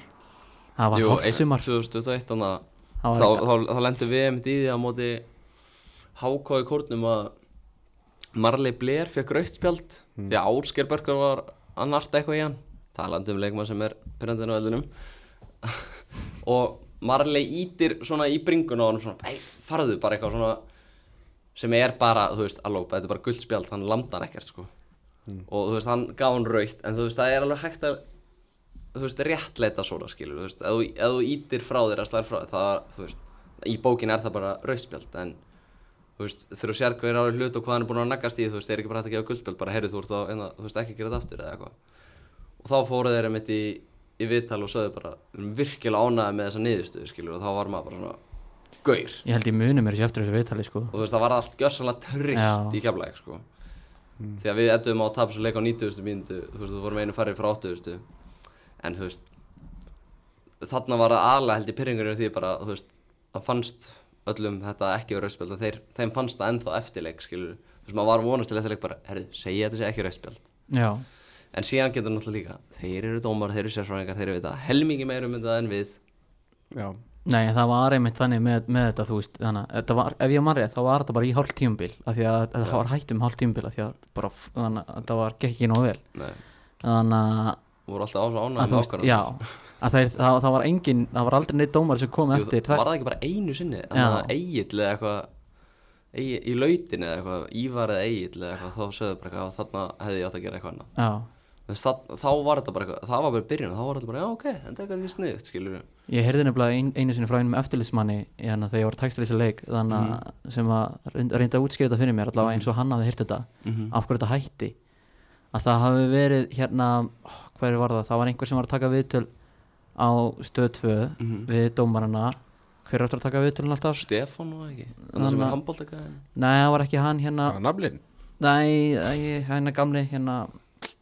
Gulli. Gamla kempan Gulli, já Gulli. Ég var bara nafni dattur veist maður Gulli eða Gaupi? Já Gulli. Gulli. Gulli, að Gulli hafi hérna spurt eitthvað svo rosalega astalara spurningu. Herri, Orri Steinn er að koma inn á. Er það rétt þér? ah, Ísak var að koma inn á hann Já, há. Orri, já, sorry, hlustundur Þannig að Orri Steinn Óskarsson var að koma inn á til þess að spila á móti hérna, leiði pappa síns. Allavega, þannig að- að Gulli hafi spurt svo rosalega astalara spurningu Mhm. og verið svo leðilegur við dómarinn í viðtali að dómarinn hafa sagt bara nei, ég vil ekki meira Það er það sem líka-. Já, já, það er náttúrulega líka veist, ef það er staðan Það er náttúrulega mjög leðilegt að dómar get ekki tekið erfum spurningum skilur því að Já. þjálfarar sérstaklega að fá erfiða spurningar ykkur, í nánast ykkur einasta viðtali. Þannig að og þá er það náttúrulega líka bara hvernig þú tek- tekst á það þú veist, sumið þjálfarar eru snillingar að bara segja bara, það er bara því að það. Þú veist, snú út úr því eða svara því ekki skilur þannig að það þarf líka kannski bara að vera þannig. Og þú veist, þá þarf líka bara að þjálfa dómaran upp í því Einmitt. ef þetta er staðan Ég meina, ég spurði, ég var nú bara fyrir stuttu að spyrja hérna þjálfara leiknis fúsa þannig að hvort Mhm. að hérna, viðtalið sem er alltaf frægt hjá núna sko, að sem hann var spurði hvort að Það var að, var að fara að vera reikin og hann náttúrulega bara svaraði því eins og hann svaraði það var náttúrulega alveg frábært í honum sko. það er náttúrulega hvað maður að segja, þú veist mýtan um áhuga að verða íþróttamannin er einhvern veginn, eða þú veist þjálfaran, er bara við viljum sjá eitthvað sem er öðruvísi þú veist, þjálfarar og aðri vilja kannski ekki endilega að leikmennir að þjálfararnir séu að segja eitthvað öðruvísi. Þú veist, þeir vilja oft bara klísjur en áhörendur og líka aðri leikmenn og fréttamenn og eitthvað, veist það er miklu skemmtilegur að skoða bara eitthvað eins og, veist, ég er ekkert eitthvað trilltur á lengjutildinni, sko veist, það er ekkert, maður fylgist alveg með úslitum og, og allt svoleið það eru nokkur félag minni spilar, en þannig bara, þú veist, ég þekki náttúrulega engan í leikni þanniglega en hann er bara, erðu, hann er að segja eitthvað þú veist, eitthvað sem hann sagt við hans skilur, þetta er áhugavert. Veist, svona þessu öðruvísi og þú veist, það mætti alveg fleiri eins og Siggir ekki, hann er alveg drull opir, hann bara, já við þurfum að selja bateri til þess að gera upp árið skilur. Einmitt. Segir í senasta viðtali skilur, veist. Það er ekki allir sem myndi segja það, en hann bara segir bara nákvæmlega hvernig staðan er, akkurat þarna og núna og bara af hverju þetta var gert. Sem mér finnst, mér finnst það töff. Já, alveg klárlega sko. En eins og til dæmis það er oft sem maður heyrir þú veist, það tekið viðtölu eitthvað og hann kemur með eitthvað svona eins og þú veist, kemur svona einmitt eitthvað svona sem er svona kannski svolítið öðru sig. Mm -hmm. og þá kemur líka stundum hann bara, þú veist, hvernig heldur að klefin taki þetta, veist, er hann svona í klefanu líka og þú veist, hvernig, þú veist, hvernig, hvernig taka leikminni hann sé að tala svona Já, þú veist það er náttúrulega alveg, þetta er mjög góð spurning því að, þú veist, maður hugsaður alveg því að það eru allir liðsfélagi mann sem fara að hlusta á viðtöl við mann, skilur, og þú veist, ég ef, bara ef ég tek sem dæmi eitthvað liðsfélagi minn fyrir viðtal, ég myndi hlusta það. Mér finnst það áhugavert, hvað hann er að segja um leikinn eða eitthvað. Þannig að það er líka alveg spurning að klefði, en maður, þú veist maður verður samt líka að vera ekki vera smeykur við það hvað liðsfélagin finnst. Og ef, ef þeim finnst þetta eitthvað fáranlegt, þú veist, bara vonandi kemur þá bara þú veist, ef þú veist, ef ég tek eitthvað dæmi þetta bara, þú veist bara kjartanherri, hún finnst fáránlegt að ég hafi þú veist, sagt eitthvað í þessu viðtali eða eitthvað, bara, þú veist, þá myndi ég vonast til að hann kemur bara til mín, sindri, þú veist. Mér fannst þetta ekki fer eða eitthvað, þá er ég bara, ok. Þá myndi ég bara, þú veist, annarkvæmst byggðast afsökunar á því, bara óbumverulega eða bara við hann, þú veist. Og þú veist, þá var hægt að taka það frá því þegar, þú veist, maður getur alveg mista eitthvað úr sér, skilur þú veist, ég hef alveg lendið því, ég fekk alveg á baugin en þegar ég kom í viðtaldi Sæbjörns í fyrra og sagði eitthvað, þú veist, að við varum að missa þennan leikmann út af einhverjum fjárhagsveruleik og þá bara, þú veist, ég var alveg tekun að teppi, sko, fyrir að hafa sagt það. Þannig að, þú veist, en mér langaði ekkert að þetta myndi fara illa fyrir neitt, skilur, mér langaði, þú veist, ég talaði bara hreint út og kannski óhreint út. Þannig að, já, já. En maður má ekki passa svo mikið. Nei, það er nefnilega málið, þetta er, svona, þetta er línan sem maður að reyna að dansa sko, Mhm. þannig að, að því að þú veist, auðvitað þegar ef að ég gerir ráð fyrir því bæði þjálfarar og, og, og leikmenn þegar það komið viðtöl þá vilja þeir vera skemmtilegir og, og þannig að- og gefa eitthvað af sér sko, en, Mhm. en á, á meðan þeir vilja ekki lenda í vandræðum. Já, já, það, það er auðvelt að lendi í vandræðum sérstaklega eins og eftir tap eða sigur eða eitthvað með mikrofón beint í grilli þú veist eins og maður hefur séð bara bestu menn lendi í. Já, já, Ég sá hann bara eftir hérna bara bregðblik vikingur fengur hann frá beint í andliti þá og það var bara alltaf til flakka. Já, það var svo gaman skilur við það var allir fannst að geða þetta, það voru líka allir bara strax bara plýsa ekki bannaða fyrir þetta. Já, já, þú veist, það var allir bara að byggja um, þú veist en og síðan voru sumir, þú veist, líka bara eitthvað, þú veist, ok, ef við bara, ef við bara réttlega það að, þú veist, þessu Arnar mætti bara gjössanlega taka, hver var þetta með Ívar? Ívar, já. Já, bara, hann mætti bara taka hann af lífi þannig, þú veist, mér finnst það líka, þú veist, fín lína, þú veist, mér finnst alveg alltaf læg kannski að eins og, þú veist, Höskuldur og Óskar og Arnar voru að skjóta hvern annan. Mér finnst það ekki vera neitt, en þú veist, mér finnst líka kannski smágra á svæði að að, að þú meir afhauðs að dómaran bara, þú veist, mér finnst alveg meir segja eitthvað, en þú veist, mér fannst hann doldi grimmur því að mér fannst hann ekki lélur í leiknum. Sko ég held að hafi verið bara eitthvað, þú veist, hann hefði verið með aðstofmenni í erinu og þeir hafa verið bara, heyrðu, hann er komin hérna þetta mikið yfir, þú veist, hvað, hvað er að gerast hérna? Og Já, hann er já, bara full af því Þannig að þeir skora hann eitthvað 40 sekundar konar fram yfir eða eitthvað og hann er bara fastur því að þeir séu komni bara eitthvað tvei myndum fram yfir. Og er já, bara hvað er að gera, okkur ekki að mm -hmm. þú veist, að hann alltaf heldur að þeir eiga að vera löngu búin að fluta Alg, algjörlega sko og þú veist, ég skil alveg tilfinningandra að vilja segja þetta en mér finnst alltaf lægi að menn skjóta hvern annan í sér liðinu og sérstaklega ef þetta er svona jaft bara svona go for it skilur við því að þetta er, þetta er skemmtilegt sko. Það, þeir eru líka að skjóta á hvern annan svona, svona, svona mjög lúmst eins og ég tók Mhm. viðtalið á Arnar eftir, hérna, eftir ríkæmið. Já, og ég spurði hann hvort, var ekki, hvort að þetta var ekki vestu mögulega niðurstöðnar fyrir þú veist eins og val og breðblik mm Mhm. þeir voru dotnir út þarna, já, geta bara einbæð sér deildinni. Þá fór hann bara að þylja upp sko, eftir síðustu nýju titlar sem hefur hægt að keppa um á Íslandi þá er vikingur unnið sex þeirra. Já. fór bara þylja það upp. Já. Þú veist, það er svona, það er óbeint skot þarna. Mm Já, já, þú já, veist, já. þetta er, þetta er sálfræð hernaður svo kallar þannig að þetta er svona, þú veist, þetta er skemmtilegt. Færi þessu smá lí, lit og smá Mhm. líf. Algjörlega. Það verður að vera litur í þessu. En ertu með eitthvað hjátrú tengda fótbolta? Sko Það segja náttúrulega allir Ég er ekki með neina hjátrú, ég er með venjur Og þannig að vill enginn viðkynna að vera með vera með neina hjátrú. En þú veist, ég er ekki með neitt þannig að veist, heimur er ferst ef ég ger ekki eitthvað ákveðið en veist, ég er alveg mjög rútinufastur maður sko. og þú veist eins og þegar ég var að spila kjaplæk þá hjólaði ég alla heimalegi bara samankvæmdi verið að ég hjólaði í leikin skilur og þú veist núna er það alltaf bara að borða sama leggja fyrir þú veist svona stemmast að þú veist það fölgtaði eitthvað svona rútinum og vennjum skilur og alveg klálega skilur en þú veist þó að þú veist eitthvað sé ekki klárt eða eitthvað þú veist þá bara að, að dresta gerð skilur en ég, með, ég, ég er alveg með slatta vennjum og, og þú veist svona eitthvað sem mætti kannski til þessum hjátrú.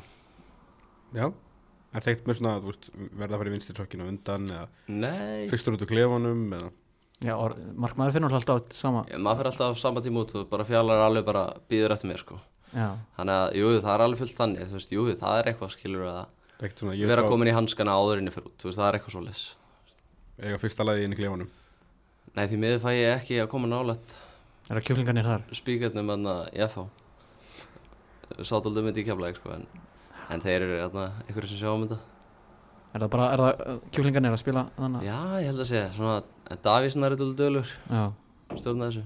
Daví Freyr, þeir eru nokkur hann var þetta eitthvað almennilegt? Þetta er ekki æðislegt, það er sleppur Gott en má vera betra. Já, Já, allt er leið ekki gott eins og ykkur segir. Já. Þannig, fyrir þetta knaspinu, þá fylgistu með öðrum íþróttum. Köruból það, Svona aðeila, eða bara. Eiginlega, þú veist, jú, ég er Formule 1 áhuga maður mm. Ég hef farið á keppni og eitthvað svona En síðan alltaf, það. Er geðveikt. Um, Ég fór á keppni í Bandaríkunum í Texas veist, Eftir tímbil 2018 þú veist, Ú, er það ekki Circuit of Americas? Jú. Circuit of the Americas. Kimi Rækonen vann. Uh, Já, en ég er náttúrulega fyrst og fremst körubólti Ég náttúrulega hef þjálfað körubólta sjálfur og spilað þannig að fylgis mjög mikið með körubólta og ég, svona, náttúrulega í FA er ekki körubólti, það er handbólti og það er svona, það er deildist tengjast alveg stert og þarna maður langar svona dálítið að fara að fylgjast með sko, þú veist, Aron, Aron Pálmann náttúrulega kom inn Já, aftur og hann, er fyrir markmaður? Hann er fyrir markmaður, hann saði mig það um daginn. Hann kom með okkur í gólmót á einhver daginn og hann alveg skólaði mig til sko, hann er alveg geggjaður sko og er þykir maður veit konst að því sko, ég er náttúrulega hefði á tilfinningu kepla eitthvað hafa svona eitthvað svona tilfinningu fyrir félagi eitthvað svona mikla. Og maður finnur alveg hann er alveg bara þvílíkur á einhver sko, hann bara hann er brjálaður við töpum og alveg upp í skýrum með vinnum sko, hann er já, hann er alveg geggjaður. Mér langar svona dálítið að, að komast inn í handbóltan ég hef rosa li- litla sensa fyrir núna sko og áttum mikið alveg á. Já, en þetta lítur að vera skemmtilegt þegar maður fyrir almennilega að fylgjast með þessu Já. halda með okkur um, ekkert komist inn í NFL eða neitt svo leis ekki neitt. En ertu þá bara, bara í íslenska korfbóltanum eða ertu líka uh, bara í íslenska. Já, ég hef samt farið á nokkur NBA leiki og þú veist, eitthvað svona fylgist aðeins með. Er leikirsmaður uh, já, ég líka, tjúlega uh, en já, bara íslenski körbóltan því gæði í úslutakefninu og hvað þetta er gaman maður.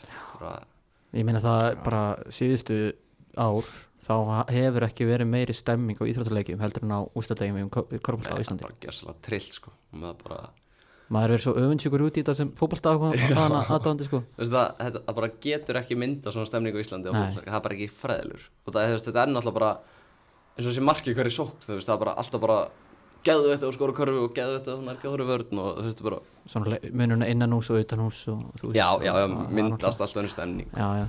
Þetta er miklu meira bara svona, allt, þetta er alltaf öðru þetta er ekki líka svo saman, sko. Það má, það samt bæta þannig hérna stemminguna á fótballtaleikjum á Íslandi sko. Já, það þarf bara, þetta þurfa að vera meiri fótbollallir, þú veist, vellin þurfa, þú veist, stúkan þarf að komast nær og, þú veist, það er að loka völlum betur og eitthvað, þú veist, alveg grefjur. Já, Ég veit samt alveg líka að setja þetta smá á, á stuðningsmenn sko, hérna, því það er ekki nóg mikil svona, það er menningin fyrir stuðning og fótballta stuðningsmenn á. Íslandi hún er svo, já bara léleg Já, bara við segja alveg eins og er. Það er líka nennir ekki að mæta illa gengur sko. Nei og þú veist, ég meina það, þú veist, það er bara svona, þú veist, það er sungið svona eitthvað na, það af og til og þá er það alltaf bara sama, bara káa, já, já, káa. Algjörlega sko, veist. þú veist, mér finnst að félögin alveg þau reyna þú veist, þau reyna að vera með uppbyrnu, reyna að fá þjálfarana til að koma út sína beina liðið að tala eitthvað, þú veist burger og bjór og þú veist, matar þú veist, það, það er reynd, en þú veist það er bara svo mikið bara að fá hvern og einn á völlin og þú veist fjölu á Íslandi hafa svo lítið bólmagn þurfa kannski bara að gera betur þú veist, þurfa að laða, þetta þarf bara að vera eins og þú veist, fólk á að koma þetta er eins og að fara í leikus og fara á þú veist, heimaleik til dæmis fyrir fólk þú veist, bara, þú ætti að koma, þú ætti að borða þú ætti að fá þér bjór, þú ætti að segja þess að fara á völlin þú ætti að vera í einhverjum sérstöku klæðinæði þú veist, þú ætti að taka þátt. Og já, þetta, þetta á að vera einhvern veginn miklu meira. Og síðan spyrir sér, ok, en þá kostar 12 skall ef þú gerir allt nei, ekki ef þú kaupir þessi stóru áskort þú veist, já, ef, þú- kaupir þessi stóru áskort og borgar, þú veist, 6 til þú veist, ég veit ekki, 10 skall mánu eða gíska þú veist, þá er flestast innifæli í þessu bara, þú veist, þá bara mætur og þú veist, þú veist, með bara styrkja já, þannig að veist, þarf að verða miklu og þú veist, geta félagin gert betur geta 100% gert stúkurnar betur þú veist settar í, í skjólsæðla er hægt að veist, vera með einhverja hittalampa þú veist, fyrir þess að voruleiki þú veist, er hægt að gera eitthvað betur ég, ég held það. Já, ég held það alveg pottet. Og, en, en, og bara þú veist, og já, bara svo ég held áfram líka þú veist, að auðvitað geta félagin gert betur á margan hátt en hérna bara kall til stunni sem hana bara þú veist hérna að uh, þú veist, það er þetta er rosalega mikar, mikið á þeirra herðum líka sko. Þú veist, algjörlega. þannig að bara uh, að það sé, þú veist, það eru nokkur nok, nokkur hópar innan fjá nokkur félögum svona, sem er að gera vel eins og mm Mhm. bara Silviskeiðin hefur náttúrulega gert vel og káringandi núna Eh, já, ég þannig að káringarnir núna og hérna, hérna Grindavík strákarnir Mhm, þar er að mhm. gera, gera vel og, og núna bara á, á þannig út þeir sem að káfa með í, í Úlfarsdal mm það var ógeðslega flott og, og við erum Já. aðeins að byggja upp smá sveit fyrir norðan þar sko, sem Mhm. er að byggja, sem byggjast upp á nýtt já, þú veist, þessir hópar einmitt, sko, þú veist, það er svo mikilvægt að eiga þessa hópa í kringum Mhm. liðin Já. og þeir þurfa að stýra stemmingunni halda Já, stemmingu, já. fá alla með sér þið verðið kannski bara þessi 20-30 í þessari sveit, Mhm, svona mhm. kór sveit, Já. en þið þurfið þá að fá alla hvort það sé 200 til 1000 til 2000 mann sem Já, að mæta, mæta, mæta völlin þið þurfið að fá þá alla með ykkur sko. sko, þe- þetta er mjög gott sjátt og það þurfa veist, liðin þurfa einhvern veginn að halda utanum þessa hópa. Því að þetta er, þetta er svo brotætt skilur þegar það fyrir að ganga illa eða eitthvað svoleiðis. Uh, gera allt fyrir, þú veist, þú getur ímyndaður og ert með 20-30 manns. Bara þú hugsar um þennan hóp bara, bara býður honum að vel býður honum í bjór, bara eins mikinn og þarf, skilur og þú veist, að borða og þú veist, gefur þeim treyjur og þessu bara þið komið hérna á leikin okkar, skilur þið Gera hald- það eftir svona verð Já, þú veist bara, ef þú ert í þessum hóp þetta er bara það sem fylgir því að vera í þessum hóp. Bara Já. þú færð þessi þú færð þessi fríðindi. Mm. þannig að mér finnst alveg að félögum geti gert það og þú veist, þá kannski það þarf ekki annað en einhver 20-30 mann hóp. Þá er miklu skemmtilega að vera á vellinum allt í einu, skilur, þegar bara er eitthvað syngjandi allan tíman og einmitt, þá fara fólk Einhver að stað lög og já, eitthvað, já, eitthvað og- svona skemmtilegt, skilur já, og þú veist, eitthvað smá trast okkar leikmenn og þú veist, eitthvað svona að vera að bauna og þú veist, Er náttúrulega, sko, þú veist, það er svo svakalega íslenskt það sem að maður sér á mörgum völlum þar sem að sko, stöðnismanna sveitirnar eru byggðar á, á krökkum úr fjórð, fymta, fymta flokk eða eitthvað sko. Já, þú veist, það er alltaf að vera að reyna eitthvað Já, en þú veist, ég meina, veist, það er alveg skemmtilegt að þeir hafa gaman. Já, já, já. En þú veist, Mhm. það, það skapar ekki beint einhver svona Trillta stemmingu, trillta stemmingu. Nei, nei, þetta nei. er yfirleitt bara einhver svona svolítið, já, bara Já. barnalegt að, þetta þau eru börn algjörlega, algjörlega En við náttúrulega þekkjum þetta bara eins og bara hvernig það var innan með kepplækina fyrir nokkur mánu þegar Púmasveitin var að fæst besta wow. það var bara, maður komst inn bara í stúk, stúkuna bara því að það var svo skaman að vera með þeim já, maður bara, getur við vera nálægt enn að rauða hafinu, við alltaf svona rauðum búningum og maður var alltaf bara uppi og þú veist, það þetta er gæðvægt og þau voru bara allan tíman og þú veist, þau voru með Þeir gáð byrjuðu líka bara með- plötur og lög og bara vorum með koncert bara á leiknum já, og já, veist, þetta, þetta, var þetta var sturlað. geðvikt en það líka kepplæk gekk ógeðslega vel þetta á þessu tímili byggameistarar og næst í Íslandsmeistarar og þú veist, Grátlega nála því. Þú veist þannig að ég held að það tengist alveg. Ja, Þetta gerir það náttúrulega ég bara, veist, ég, ég horfi alltaf á þannig að þegar ég bjóð í Svíþjóð sko, fór Mm. náttúrulega nokkra leiki þar það er náttúrulega alvöru menning sko. þar er menning sko. þú veist, þar er náttúrulega bara veist, það er það sem ég mér langar til að sjá í, í, í öllum, nýjum völlum sem að verða byggðir á, á næstu árum þannig á Íslandi ef það verða eitthvað velli byggðir það er hérna þetta þar sem að er bak við markið það sem er kallað í Svíþjóð klakken uh, þar sem að, ok, það er stand, standandi, ég veit ekki hvort það má á Íslandi Jú, ég held að mig já, en þú veist, það er, það er, þú veist, er bara standandi erja sko. Mhm. og þannig að og svo eru svona uh, svona steiftir staðir mhm, fyrir st- þegar svona stýra stuðnismönnum já, til þess að snúa baki í völlin já. allan leikinn með gjallarhór að stýra mönnum. Já, sem er algjörlega trillt sko. Það er eru, þú veist, alveg bara það er blís út um allt og það er alveg bara, Miklu meiri menning já, einhvern veginn í svona kringum þetta. tífós þið veitir hvað, Já, já. veitir hvað það er já, bara, þú veist, Dortmundur er mjög þekkti fyrir að nota slis Já, já, ég fór til dæmis bara á atna, Ísak bróðir spilum með Esbjerg í Danmarku og sem sagt næst senasti leikurinn þurftu þeir bara að gera jætteflega að vinna þá var þeir komnir upp í Nordic Bet líkan sem er næstaðasteld og og atna, þeir tapa honum móti liðinu sem máttu alls ekki tapa móti. En þeir voru bara í bara sókn allan leikin fyrir senasta leikin verður að treysta á það að þetta lið tapi og þeir vinni Kolling sem var búin að vinna dildina og þeir og sem sagt þetta B93 lið var að spila bóndi neðsta liðinu. Og á tíma sem sagt og Esbjörg stundumennir sko Esbjörg bauðst til þess að byggja svona bráðbærastúku fyrir aftan markið hjá Kolling til þess að koma allir stundumennir fyrir. En þú veist Kolling sagði bara það, þetta var alveg þannig mikil áhuga á þessu leik. Og á tíma er Tísteð komið yfir á móti B93 og Esbjörg yfir á móti og Esbjörg leiðinni upp ég bara, ég hef ekki séð hann hann í trilling. Þú veist það bara var allt þú veist það bara blísin á vellinu bara kveikna í grasinu og þú veist það var bara allt fókalt og síðan undir lokin jafnaði þarna Kölning og síðan komst Esbjörg aftur í en þá á sama tíma jöfnuðu hinnir í hinuleiknum og þá var bara þá bara reytuðir þú veist það voru líka stöðin sem einhver svona húligans frá Wolfsburg já, sem eitthvað svona eða eitthvað, þú veist, bara svona innvætaðir og þeir bara gerðu, þú veist, það var bara reyta og bara dómar var, eða þetta er búið. Það nýtast þrjá myndi að, þú veist, Kolling er búið að vinna dildina og þið getið ekki bara, þú veist, búið, bless.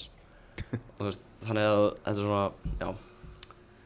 Þetta var svona dólið skammarlegt fyrir ersbjörnsturum, en þetta var svona hvað þetta þýðir mikið fyrir Einmitt, að svona, einmitt. bara miklu meira heldur en hérna.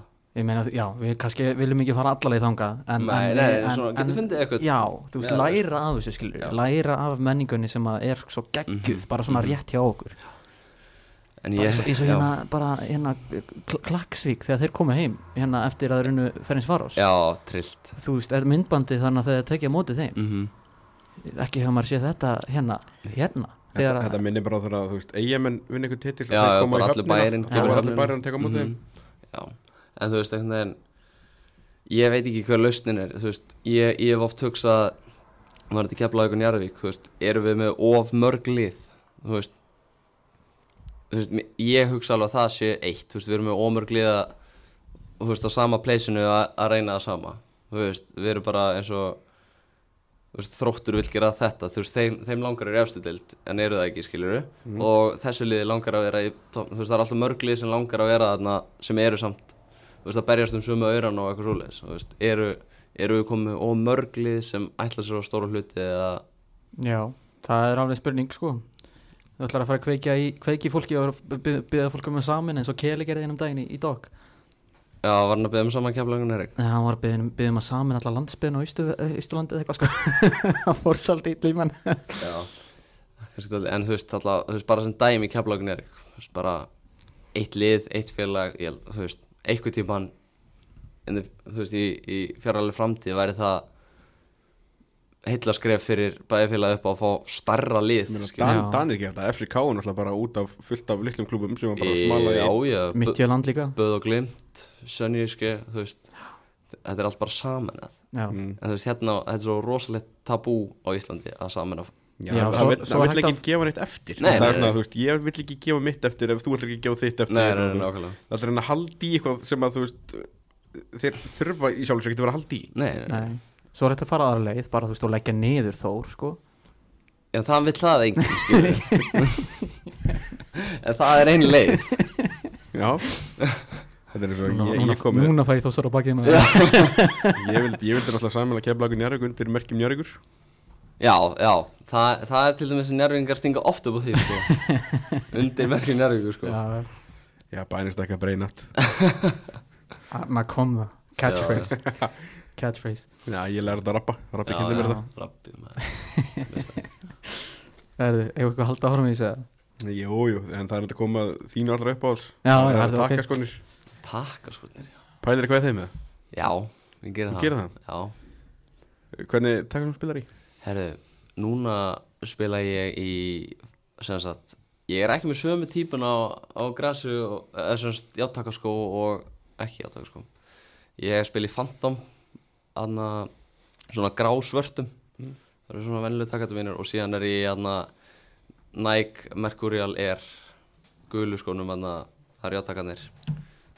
Og já, en ég hef líka alveg mér finnst alveg gaman að prófa okkar nýtt sko. Ég hef spilað nokkur sem í Puma og Adidas og eitthvað, mér finnst alveg gaman að Pælir eitthvað í litunum?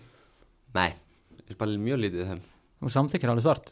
Já, en ég skil alveg leikmenn. Já. ég þekki mjög marga leikmenn sem þú veist, get ekki verið svörtu. Þeim finnst það bara eins og að fari hundra sinum hægar yfir. Og þú veist mér finnst það ekki þegar í þeim en oft þegar ég er að horfa ofta á einhverja klippur úr leikjum og það er bara svona djöfull eða virkar eins og þessi gúmmitútum bara. En þú veist, mér finnst fílingurinn ekkert vera eitthvað slæm betri hvítum skóm sko. Bara alls ekki. Mér finnst ég ekkert vera neitt, Vistu það ekkert vera fljótari. Mér finnst ég ekki vera fljótari. Hreyfast hraðar um en þú veist, mér vissilega þegar ég sé klippur þá er svona, ok, það er eins og þú, ert, þú virkar hægari Já. og eins og sérst í gúmmitútum Mhm.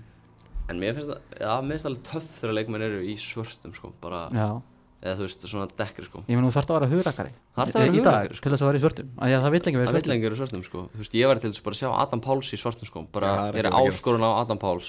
að að Farið í svarta skó. Það er bara að segja þér það er aldrei að fara að gerast. Ég veit að ég spilaði Páls Það er aldrei að vera að gerast. Það að er helst að vera bleikir eða hvítir. Já, en, en fyrstu út með, við erum með markmann, hérna er þá markmann sanskar, er það eitthvað sem þú pælir í líka? Já, ég pælur svona hundra sinni meiri í því heldur en sko. Já. Um, Ég er náttúrulega Sko, ég er sponsaðar af Rínat Ísland.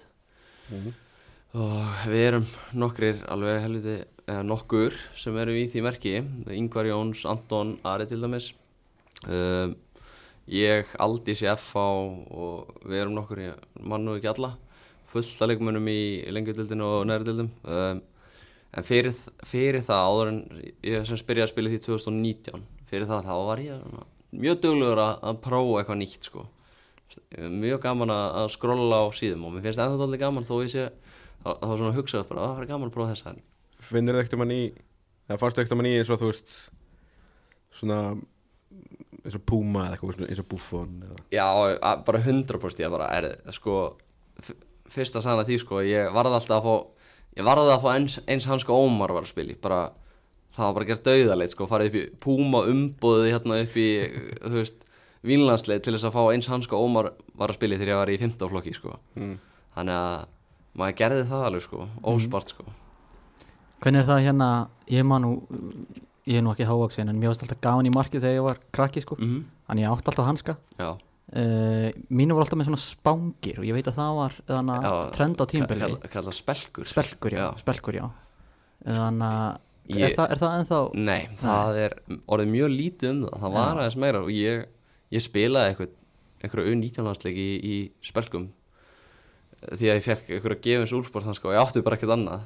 Og na, það var alltaf læg sko Já. en ég myndi ekki kjósa það. Það- þetta er eitthvað svona, þú ert eitthvað hálf hrefið hamlaður í spelkum sko, mm. bara svona puttanir eru bara, þetta er náttúrulega öryggi. Þeir geta ekki farið aftur. Um, en þú ert veginn þú ert aðeins hreyfihamlaðari er, er það ekkert betra þannig að þegar maður að verja fasta bolta að vera í spelkum alveg mögulega sko en svona heilt yfir sko þá finnst mér það óþægilega og ég held ég að síni þessi bara flestin ekki óþægilega því að ég, það er alltaf engin margmar í Íslandi sem ég veit um sem spilar í þessu. Nei, en Lukas Væbjanski hann spilar í spilkum já, í vestam það er einn sem ég veit um. Það er eitthvað. Já, já, ég held að sé mögulega þaðan sem ég fekk þannig að mynd eftir þessu því ég var hlust, hlust á einhvern þátt hjá Ben Foster já, að- já, sem hann var að tala um hann var það. að tala um já, mjög fáður ég man bara því þegar ég tók mitt markmannsæði Já. þá, þá var ég sjúkur í þessa Puma Buffon hanskana já, já, ég átti þá alveg sko.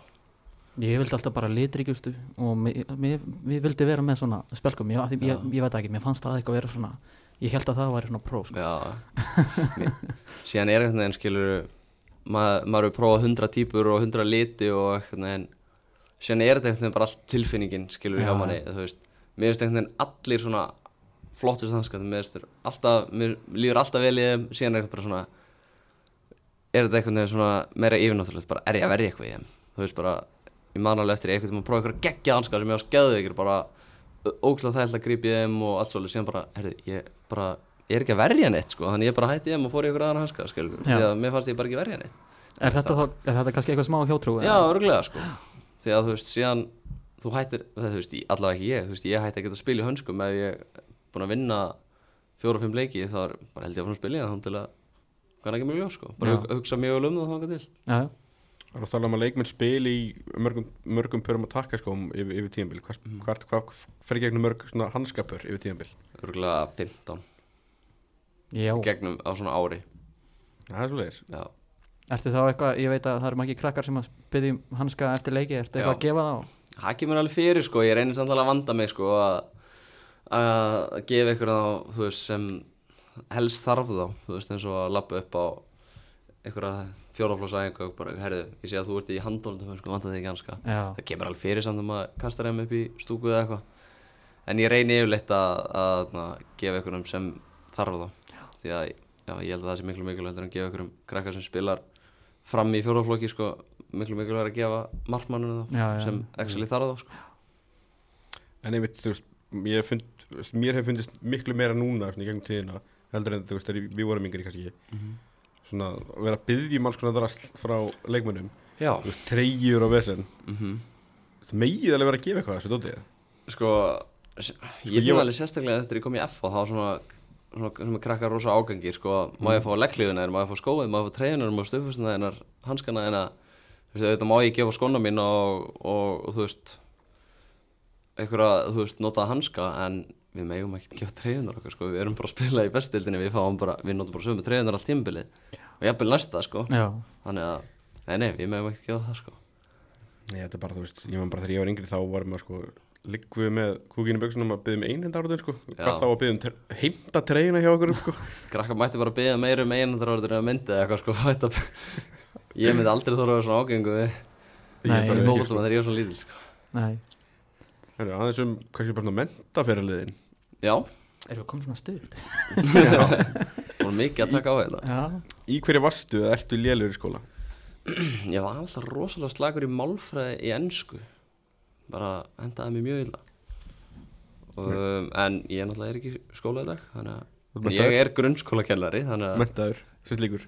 Uh, Nei, ég er uh, sem sagt með BS í Íþróttafræði Frá mm. skólum mér ekki Þannig ég er ekki mentaði grunnskólakennari. Stendur í eitthvað frekar nám með? Já, ég geri það en það er svona margt sem kemur í veg fyrir það. Mm. eins og til dæmis uh, knaspinna já, já.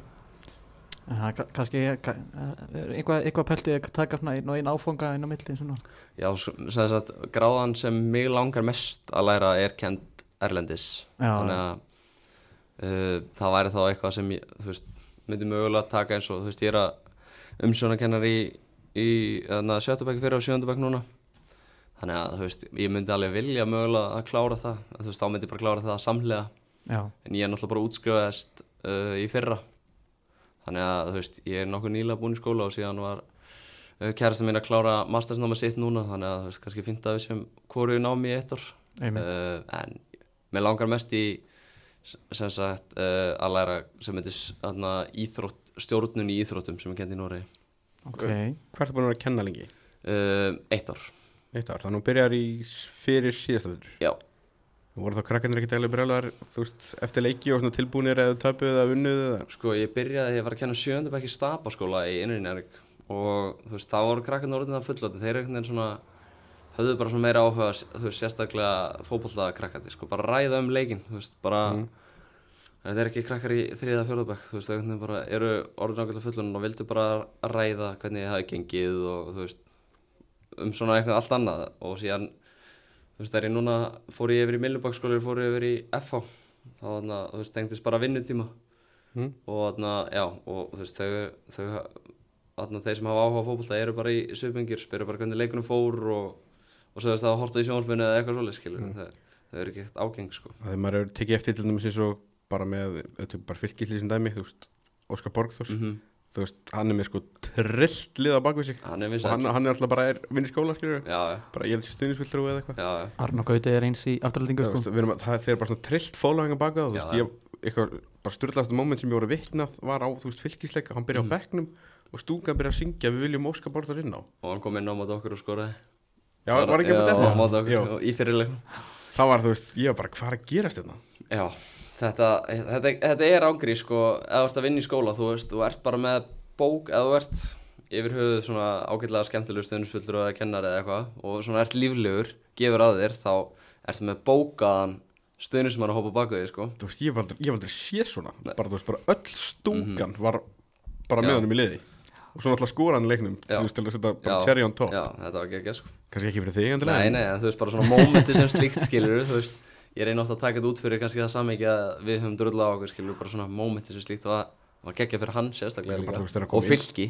Bara þegar hann kom inn og það var bara svo var að skora mark. Já, ég veit það, Nei. Svo, svona vil ég hafa það var líka bara eins og þegar Arnó Gauti skoraði þrennun á móti í Njárvík hérna, uh, þú veist, hann var þannig alveg ég var að býða eftir honum í viðtal sko, ég veit ekki hvað ég beði lengi að því að hjörðin á eftir honum að taka myndir og alveg já. bara.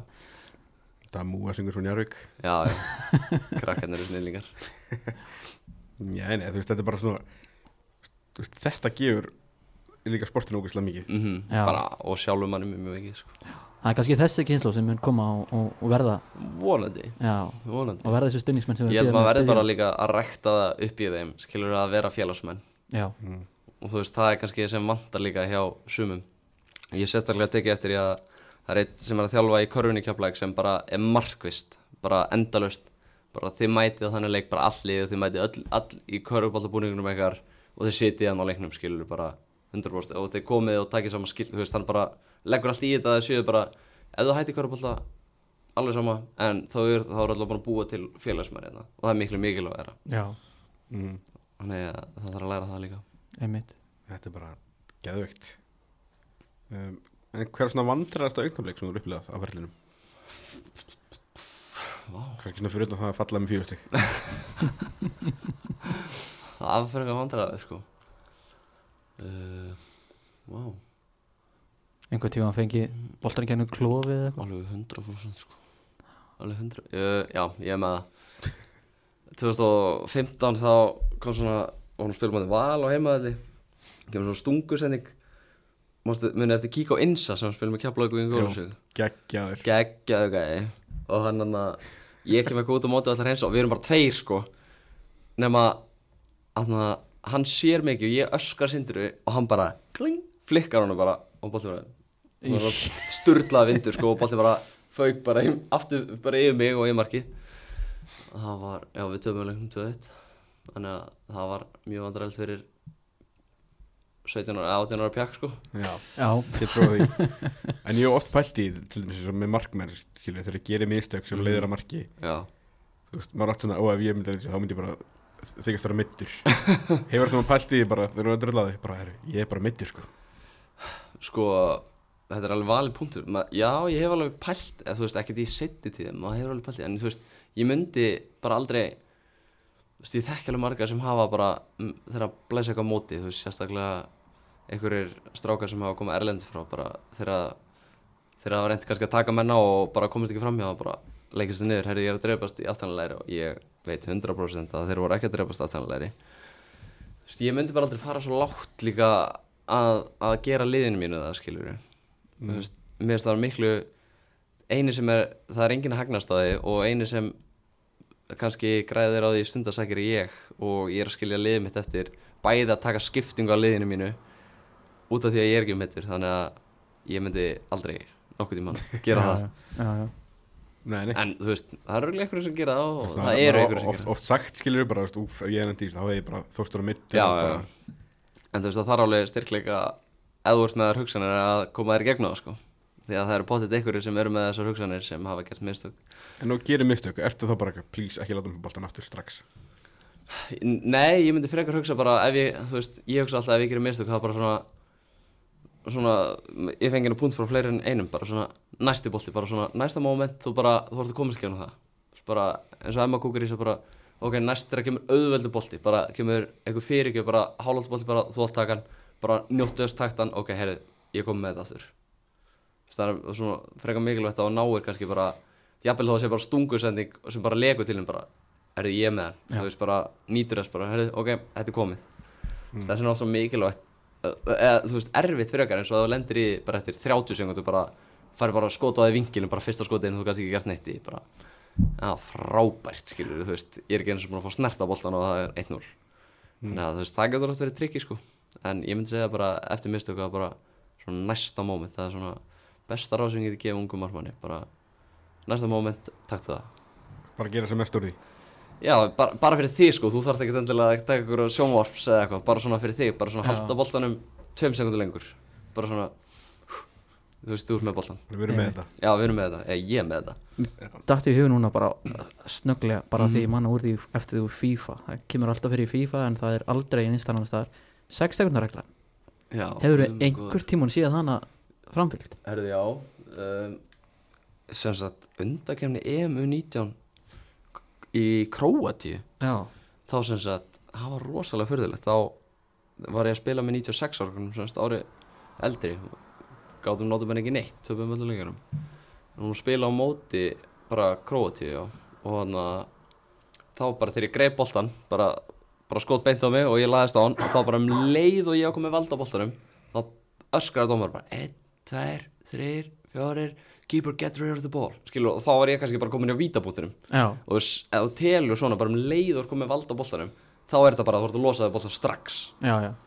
Þú veist, það var ekkert eitthvað svona ég var komið valda boltanum, fekk að standa upp og svo byrjaði hann að telja, þú veist, eins og svona reglan er þannig og þá var hann bara alltaf með greipboltan, bara sprett maður upp og bara hamra honum upp, skilur, því að maður vissi ekkert hvað maður átti að gera. Nei, nei, Varst ekki að augra þessu? nei, nei. Já, en þú veist, hann var mjög augrandi sá dómari, sko, bara og hann dæmdi einmitt á hitlið einu óbennaugurspennu, sko, á hinn markmannin en það var örgulega eftir það sem ég þorði ekki að augra þessu, sko. Já. en annars, er, ég, ég man ekki eftir að hafa síðan eitt fengið eitt annan, þú veist, ekki á Íslandi hefur aldrei verið dæmt á þetta, sko. Nei bara, ég held að sko að margir sem að hlusta veit ekki svona hvað við erum að tala um sko. Nei, bara þegar þú sem markmaður grípur boltan, heldur á honum með valda á honum og staðin upp þá á að byrja að telja 6 sekundur sem þú mátt hafa boltan í höndunum þannig að þú alltaf að losa við hann. Annarkvært setja niður á jörðina veist bara ekki í höndunum þínum eða bara koma honum í spil.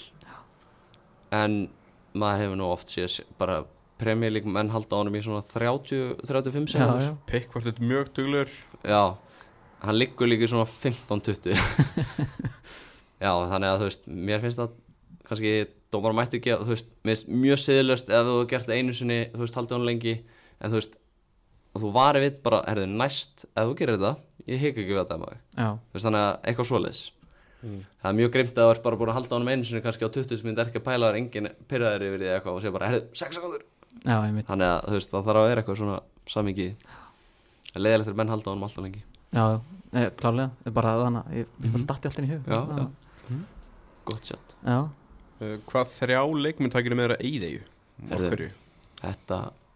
það, það voru ekki margar spurningar sem ég var eitthvað mikið að þú sendir þetta á mig og ég settist aðeins niður eftir nægingu með, með honum Halla hann að vinstri bakgrunum okkar. Og vorum aðeins að ræða þetta og ég varði eiginlega að gefa sjátt sko á ég myndi ekki taka með mér Vúkóskar og Logarhaf þeir, þeir kemur ekki með. Ok, það er alveg 100% ekki ástæð bak við það. Það var bara að koma það í sjáttið að við myndum, þeir myndi ekki fá að koma. Já, uh, en ég myndi taka Finn Orra sem sérstakann sem sagt bara svona höfuð, hann á, hann á að stjórna þessu missjóni Mhm. uh, mjög skarpur strákur síðan myndi ég taka Girðir Hafn hann er svona uh, vöðvinn í hómnum uh, og hann hekkur niður trían til að búa til já, já, þú bátinn. veist, hann Já. gæti bara tekið tré niður sjálfur og búið í bátinn sko. og síðan myndi ég taka Björn Daniel upp á að hafa svona, halda gleðinni sko. Já, já. Þannig að þetta eru, og síðan er ég að það með. Já, aldrei að þið leifið þetta af og komist af og, Já, út af Finnora sko, hann, hann, hann er alveg heilinn sko. Hann græðir þetta. Já, já, það er smá strategi á baka þetta sko. Það er gott. Já. Uh, Ertu með eitthvað störla staðirindum þig? Herri, já, ég er með meira prófum á að kera vörubíl og ég er með vinnuvelrendi já, hefur eitthvað notað þetta? Já, aðeins. Já, Ég hef aðeins verið að keira vörubíla ok. og búkvöldur og eitthvað drasl. Það er svoleiðis. Það er já, svolítið Það er bara Óli Þórða mættir. Ég er nú ekki alveg í þessu 100% starfi Þannig að Nei. svona sætt. Já, það er alltaf gott að vera með þetta próf svona, Já, já, já, alltaf, alltaf option. Bara áhuga, áhugavert skemmtilegt. Hefur þú mann unnið upp á flugvalli? Nei. Ég hef ég hef vunnið á Blue Carandal upp á svona utan flugullin Já, svona mjög, með mjög fáum fárri prósendu sem er ekki farið inn á flugvöldun og unnið þar. Nei, já, ég bara mjög eiginlega allir unnið það sko. Já, bara það pæli vinnuvelar Já, sko. já, já, Það er flesti með því það já, já, nákvæmlega. En Hvað samherji komið þér mest óvart eftir í kynntistunum og af hverju? um, Þetta er rosalega góð spurning. Mm,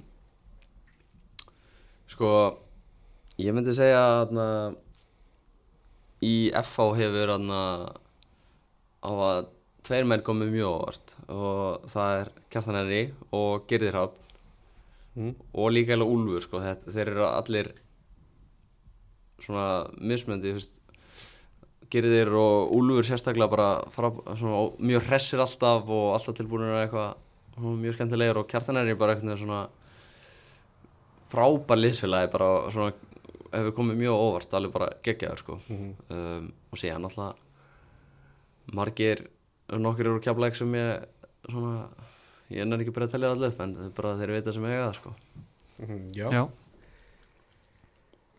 Hvað finnst þú svona leiðilegast að gera á æfingum? upphittun ég var, já, þú veist mér finnst það ekkit eðlilegt að skokka í fimm mínútur eða eitthvað og, og gera eitthvað, ég væri bara til að vera inn í gymmi, gera eitthvað smá þar og síðan bara sendingaræðinga eða bara reytur, þú veist já, bara koma reddi út eða skokka í tringmax eða eitthvað þóli ekki að skokka og gera eitthvað hánýjaluftur eða eitthvað sko. já, já, þetta er bara þetta, flest, Flestir segja þetta sko Já. Mjög margir alltaf mikið skemmtilega að spretta í loka einhvern heldur en að gera upp þetta sko. Já, mm. Ef þú fengir eina spurning til að spyrja hvert sem er Hver er spurningin og hvern myndir þú spyrja? wow. þetta er djúpt Mjög djúpt. Já, það hefur alltaf verið Má vera lífsæðaliðin má vera, Lífsæðaliðin já. Það er svoleiðis. Mm, ég bara þetta er svo svakalegt. Já, þetta er svolítið þannig að Já, ég myndur örugglega bara vilja eiga samtala við eitthvað áhugaverðan sko. Já, bara, þú veist, spyrja hvort þú mætti eiga samtala við eitthvað mjög áhugaverðan einstakling eins og bara, þú veist, eins og Messi til dæmis eða eitthvað. Það er til í að eiga samtala við hann. Það var einhver Spyrja hvort hann Myndir þú spyrja hann Hvernig var það þegar hann er sem varði frá þér? mjög ólíklega. Því að þá myndi hann hætta að tala við Já, Já, bara hvernig veðrið í Miami? Já, bara má ég setjast með kaffibólla hérna og tala þessi þig? Já. Já, já það, hérna, myndi kannski þurfa að hafa translita með þér en Já, já, 100% sko. Hann er kannski byrjað að æfa sig í ennsku, veist hann komið til bandaríkina Örugglega ekki sko. Hann er samt í Miami sko. Ég held að Já. hann Það sé var la- alltaf spænska latínó. þar sko. Já, Já, Mjög mikið spænska. Uh, já. er það hindlegin komin? Ég, hún er svona Líðandi lok. Já, hún er komin uh, liðin undir lok. En uh, þá er það bara svolítið um um þig. Þú Mhm. hefur ekki að blæk, þú er ekki fara að lána eitt Nei, ég hef aldrei farið á lán sem, ef þú pælir, er mjög sérstætt Það er mjög spes. Já, sérstaklega um markmann um, en ég var einu sinni mjög návaldi Mm. uh, 2016, ég spilaði tímabili 2015 og 2016 tekur Totti Örljus við og tekur beiti með sér frá Háká. Og ég er bekkjaður en í jæna, júlíklökunum vildi Grindavík fá mig yfir. Og, og jæna, ég gerði gjössalega allt til þess að fara að fá að spila því að það var bara lofum að fá að spila þar. Mhm. En við vorum í sömu dild og Grindavík og Totti, vinnur minn, var ekki alveg á sama máli sko, þó ég væri búinn að fá samþykki frá bæði markmannstjálfara og stjórn og öllu svolítið sem Totti var, vildi halda mér. hann er harðaus Hann er harðus, hann er það. Þannig að það er einu skipt sem ég hef verið eitthvað nálægt í að fara lán. Já En núna þegar þú fer til FH Mhm. þannig að svo höldum aðeins áfram í einhverjum transferdæmi Já. eh, það voru nú fleiri en liðin FH sem að voru eitthvað að skoða þig ég veit, til, ég veit af því til dæmis að Káa var að, að, að skoða þig. Já, það var alveg svona daldið að, hvað maður segja, ekki endalur sem möguleik en það var alveg svona daldið verið að, að spjalla saman sko. Uh, nokkuð lið. Fórst, fundi á mörgum liðum?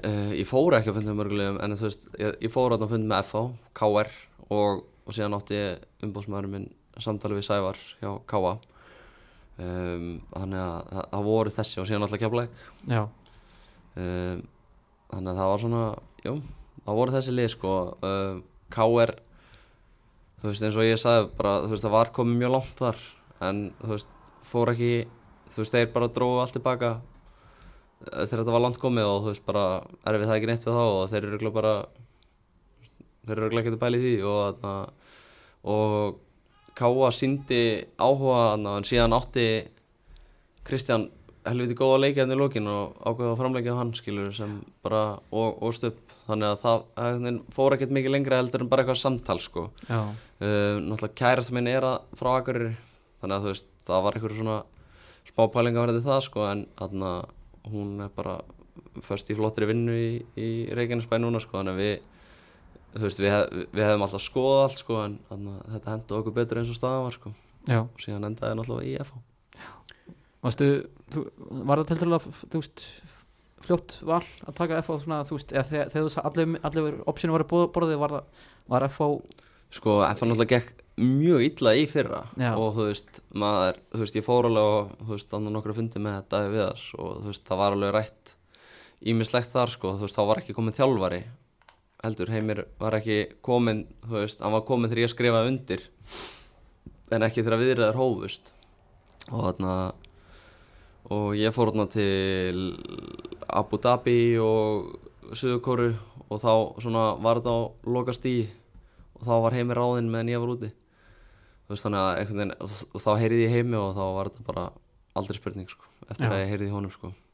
Nei, mitt, en þú veist ég átti smá erfitt með þetta með að voru þjálfarlausir já, ég skil það, en síðan þegar heimi kom og ég rætti við hann þá var þetta fyrir eitthvað auðvitað okkur En svona fyrir þetta, þú veist, oft, oft, oft talað um að þú hefur alltaf haldið til því keflæk, oft fengið bóðum að fara, hefur, hefur þetta mann áður verið svona nála því að fara?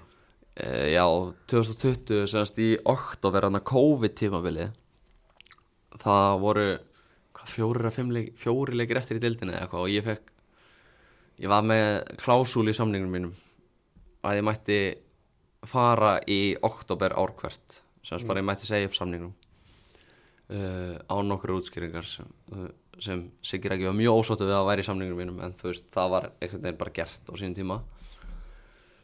Uh, og ég fæ tilbúð frá þarna liði í, í þá í League One í Englandi og sem heitir Oldham já, og semast, þeir voru búin að gera mig tilbúð og hann vildi bara fá mig og bara fá að spila. Harry Kewell, hann var að þjálfa liði já, ok, og ég var bara, oh my god, þú veist þú veist, þetta ok, þú veist, þetta var ekki, þú veist, ég var ekki að fara í eitthvað hrikalega deild eða þú veist, Nei. samtalið hjúts lið, skilur, þú veist, það er bara margir á vellinum og, þú veist, draumir margra að koma til Englands þó að League One sé ekki hæstadeldin þá var League One bara fínt skref, sko.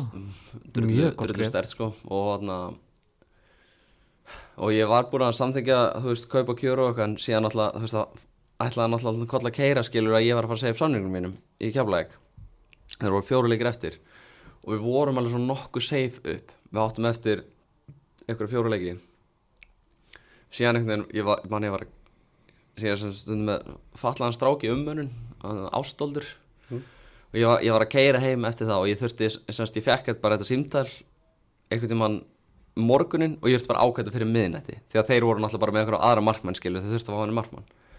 Og ég var búinn alltaf 11 og ég þurfti að ringi í umbóðsmannu fyrir miðnætti og ég var bara ég get þetta ekki skil, þú veist bara, ég get ekki skili liðsfélagið mín eftir. Þú veist, við vorum, var ég og strákur sem heitir Þröstur sem var margmaður minn og hann var bara mjög ungur átti eitt leik í meistaraflokki.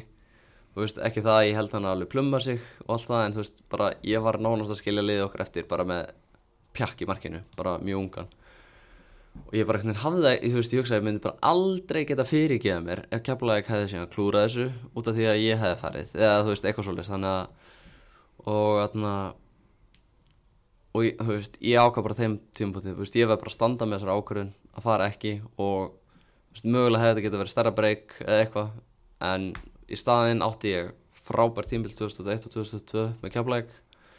Uh, liðið var stígandi og það er rauninni, finnst mér miklu meir draum fyrir mig að hafa komið stabiliserað liðið í efstu deild, mitt liðskilur sem var búið að síðan ég kom inn í mestarflokk nánast bara búið að vera daldið svona, svona já, bara svona daldið strandaskip. Þannig að mér fannst það einhvern veginn ég og aðrir í klubun hafa náð að, stabilisera liðið skilur náð að, ná að toga tógarinn úr strandi. Þannig að þú veist fyrir það skiptið það mér eiginlega meira máli sko heldur en ef að þetta gikk hefði bara, þú veist, ef ég hefði spilað því þetta var líka bara eins og samningur. Þú veist, ef það er bara farið og ég hef síðan komið aftur heimskilur ég hef verið þakkláttur ég er þakkláttur fyrir það að átt þessi tvö góð tímabil. Já, því að þú veist, Oldham endaði síðan líka á því að falla og fjalli síðan aftur í fyrra og eru komin í National League skilur veist, þannig að maður gæti kannski veist, eftir áhyggja þá var þetta kannski ekkert galin ángunni því að þeir voru bara í urglinu já hugsaðu aldrei svona kannski ef og hefði þú veist? Jú, jú, ef þú átt gott tímumbil í Englandi náð fótfestu og eitthvað mm. eitthvað leiði championship hefur kannski kíkt á þig eða þú veist? Hun- 100% og þú veist, ég hef alveg átt svo umræði við, við marga skilur bara, þú veist, ef að hefði og sem þarf maður líka bara ógeðslega ógeðslega heppin í þessu þú veist, sumi fá þetta kall skilur, þú veist, eins og einn strákur sem, sem var hann, Hákon sem var með mér í hann, landsliðinu í november hann, þú veist, hann kom svo vel á orðið hann bara, þú þarf bara að vera heppin, þú þarf bara að fá eitthvað úti og síðan þarf bara að grípa þú veist eins og hann, hann bara fekk hann fór út í Elsborg, síðan bara fekk hann tækifæri og hann bara greip það, skilur, þú veist, hann var ekkert að byrja leikina, síðan fekk hann, nú er hann bara orðin, besti, besti markmaðurinn í hann er top 3 allsvenskan, markmaður í allsvenskunni, skilur, bara að gegja þér þú veist, hann var samt bara að spila í lengindöldinni fyrir stuttu, sko. Með, með sko gróttu sem að áttu nú ekkert spes tímabil. Nei, og þú veist og, og þú veist fjallum var samt áfram í gróttu þá til að fer út sko þannig að já, þú veist þetta er bara, þetta er rosa leðileg eða þú veist, þetta er rosa mikið happa klappa já, já, en er þetta eina, eina tækifæri sem þú fengið til að fara út? Uh, ég gat, sko ég hefði getað farið til Esbjerg, til Ísak bróðis en þá hefði þurft að segja upp samningunum mínum og þarna, það var ekki inn í myndinni að gera það. Þú veist, þeir, þeir vildu, vildu alveg fá mig sko en ég sé heldur ekkert eftir ég hef ekki gert það því að þeir eru líka búin að vera í játna, smárugli og markmanns þróti var það þeirra Óli Kristjánsson með það nei, árið eftir. Eftir það, já. Með þjóðverjan hann var reikinn alltaf eftir tíu leiki eða eitthvað hann- það var hinn þjálfarinn sem var komið þá. Þriðið þjálfarinn. Já. þessi þjó, þjóðverjana sem var, vist með já, var vittlist út af. Já, já, hann var áhugaður í bala já spes tíma mjög. Svo ekki. Sem ég hef sagt. En þú erum farað eitthvað reynslur það ekki þegar þú varst yngri jú, ég fór einhvern veginn til Huddersfield þegar ég var krakki. Þar á mér bara pakka saman í kassa og, og, og sparkaði aftur heim. Já. átti ekkert erindi sem erfið þangað sko. Um, síðan setna Var fór ég þegar þið voru í Premier League eða? nei þeir voru í Championship áður en þeir komið fyrst upp. Já. þú veist ég var bara í eldri þriðaflokki eða eitthvað svolítið upp 16 eða eitthvað. Um, og síðan fór ég til Ott Grenland í Noregi eftir tímbil 2015 og gekk bara mjög vel. En þú veist það var aldrei eitthvað svona semja dæmi sko en þú veist gekk bara vel og þeim list vel á mig og ætlaði að fylgjast með frá. Síðan var ég náttúrulega bara bekkjaður Mhm. í Keflæk og fór aftur eftir tímbil 2019 það var, og þá fór ég semst, fyrst til Hull City uh, það var í rauninni bara svona bónus, þú veist, ég hafa bara svona sem kom upp í hendnar á okkur þeir sem sagt bara spurðu minn umbásmann hvort það var markmann og ég var að fara út aftur til Ott og þeir í rauninni buðu mér bara að koma á undan já, sem var bara, þú veist, trillt. Að vera að æfa með championship þannig og bara sjá allt í kringu það, þú veist, þó að þeir var ekkert spes championship klubur, það var bara svona hvað er öðru level allt. Já, og þú veist, það var bara geðvögt og gekk bara, veist, að mér fannst bara óaðfinnarlega, þú veist, mér fannst bara mér fannst ég standið með ótrúlega vel en þú veist, þeir voru bara með tvo trillta markmenn, sko bara ógeðslega góða, þú veist, þannig að ég, þú veist, það hefði kannski mögulega eitthvað svona keeper dæmi, sko, verið Já. möguleiki sko, ég átti ekki breyki hérna tvo sko. En, og síðan fór ég aftur til Ott í Nóri og það gekk bara mjög vel þar líka. Um, og þeir voru að reyna að selja þeir voru með eitthvað rándýra varma sem voru að reyna að selja en vildi hann ekki. En þannig ég fór bara aftur heim og já, og síðan hef ég, þú veist, eftir Ísak bróðufrút það hef ég alltaf, þá hef ég farað eftir með hans liði Sönnirske fyrst og Esbjörg svo. En þú veist, það er svona hvað maður að segja, svona, ekki beint reynslur bara svona Mm. hef fengið að æfa, já. Bara svona gaman. En þú ert nú, þú veist, þú ert nú ekkert gamall sérstaklega í markmannsárum Nei, 26 ára, þú veist, það er þannig að það er nú bara til til langt í markmannsárum já, bara svona er það, er ekki alveg ennþá þannig að ambitionið að komast út eitthvað? Jú, jú, þú veist, það er eins og maður segir Ég held að Hörskuld Gunnlaus hefur svo oft komið vel að það þarf samt að vera betra en já, þetta er heima, þú veist. Ég veit alveg ef ég verið samlýslega getum að fundið eitthvað, þú veist, í einhverju deild úti, sko En þú veist, það væri veist, Ég er kennari hér, ég er með fólkið mitt hérna, veist, það þarf alveg að vera alltaf gott, sko. Já. Svo maður takið því, en þú veist sem maður segir, ef, ef maður spilar það vel eða það er það mikið vöndun fyrir mann eitthvað er að þá er maður opinn fyrir öllu sko, alveg 100% já. Ég meina þú veist, bara eins og hérna margir íslenski markmann hafa gert að hafa, þú veist, farið út seint. Ég meina Hannes, þú veist. Já, hann fyrir á 27 ára já, og hérna og, og kem síðan í landsliðin og allt Mhm, það, mhm. ég hef, hef, er það eitthvað líka ambition kannski að reyna að ná einhverjum landsleikjum Það er náttúrulega sko það er alveg 100% hefur eiginlega alltaf verið markmiðið mitt bara síðan þú veist, ég var í 21 áslallinu þá var svona, svona virkilega held maður að maður myndi ná því sko að, að spila landsleik og síðan kom það náttúrulega óvænt upp að ég fór í alhansverkefni til Abu Dhabi og Kóru nú í november, Já. senasta november og en náttúrulega samt sem þriðju kostur um, en bara geðvegt að fá að vera kring þú veist, Arna Veðars var að þjálfa lið þá bara fá að kynast hva, hversu geggjöga gæði hann er og öllum strákunum hann veist, þannig að þá svona einhvern veginn svona, erðu, ég er kannski á að spila aðrarsleik, þú veist, hversu geggjöga það er draumur allar krakka að gera það. En þú veist, ég var alls ekkert sárið að fara ekki fengið að spila sko, ég svona, svona gerði mér eiginlega grein fyrir því þegar ég fór í þetta verkefni að, að það var mjög ólíklegt því að vera að fara að spila. En þannig ég bara veginn tók það út úr þessu bara að, herru, ég er með landsverkanum bakinu þú veist, já, ég er, byrju, ég er bara býnur stoltur af því skilur, að vera með landsverkanum bakinu. Það er, það er ekki allir svona á því sko. nei, mitt Nei, Já, og þú voru ef, ef, þú veist, ef þú ætlar einhvern tímann, að- að- þú veist, ef það er einhvern tímann sjansáttur, þá er náttúrulega mikil, það skapast rosalega mikil samkeppni í Íslensk landsliðinu í markmannstöðinni.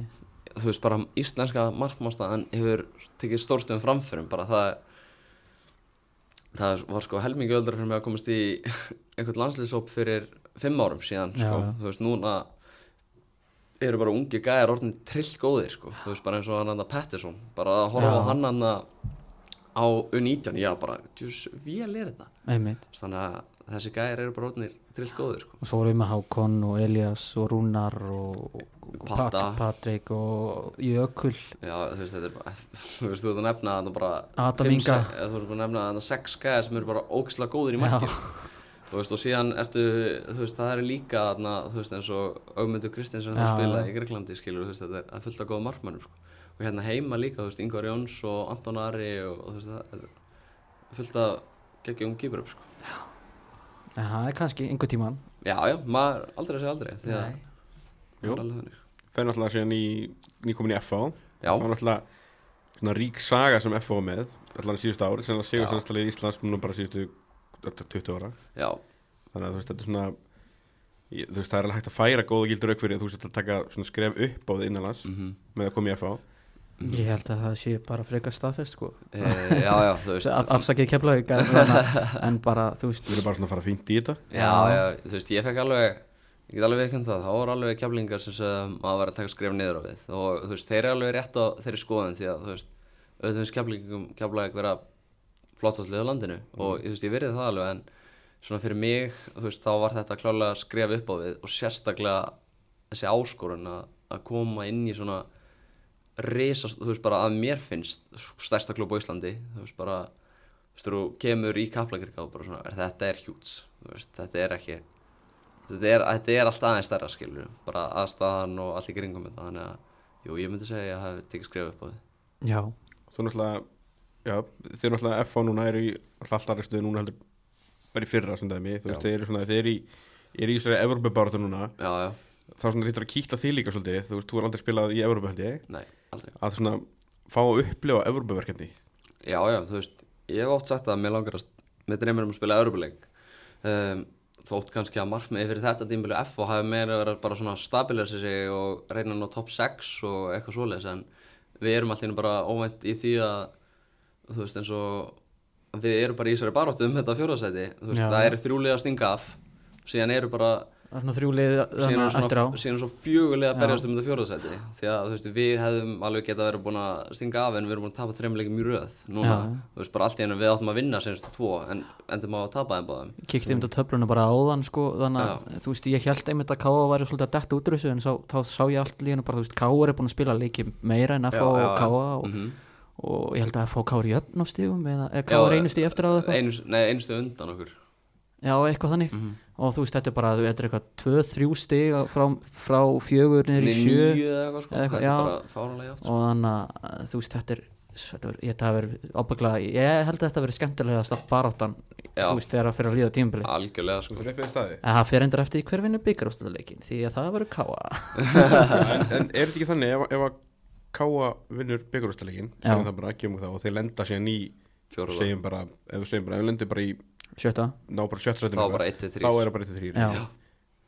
þannig þú veist, svona fyrir liðin sem eru fyrir neðan þá, þá þú veist bara saman þá vonast þá halda allir með vikingum að allir með vikingu sko. Já, þannig að sindri að vera í stúkunna vikingur Já. það er náttúrulega ekki að- staðfest hvort það verður vikingur eða káar Já, við, þurfum náttúrulega fyrst og fremst að, að ná þessu fjórasæti þá sko.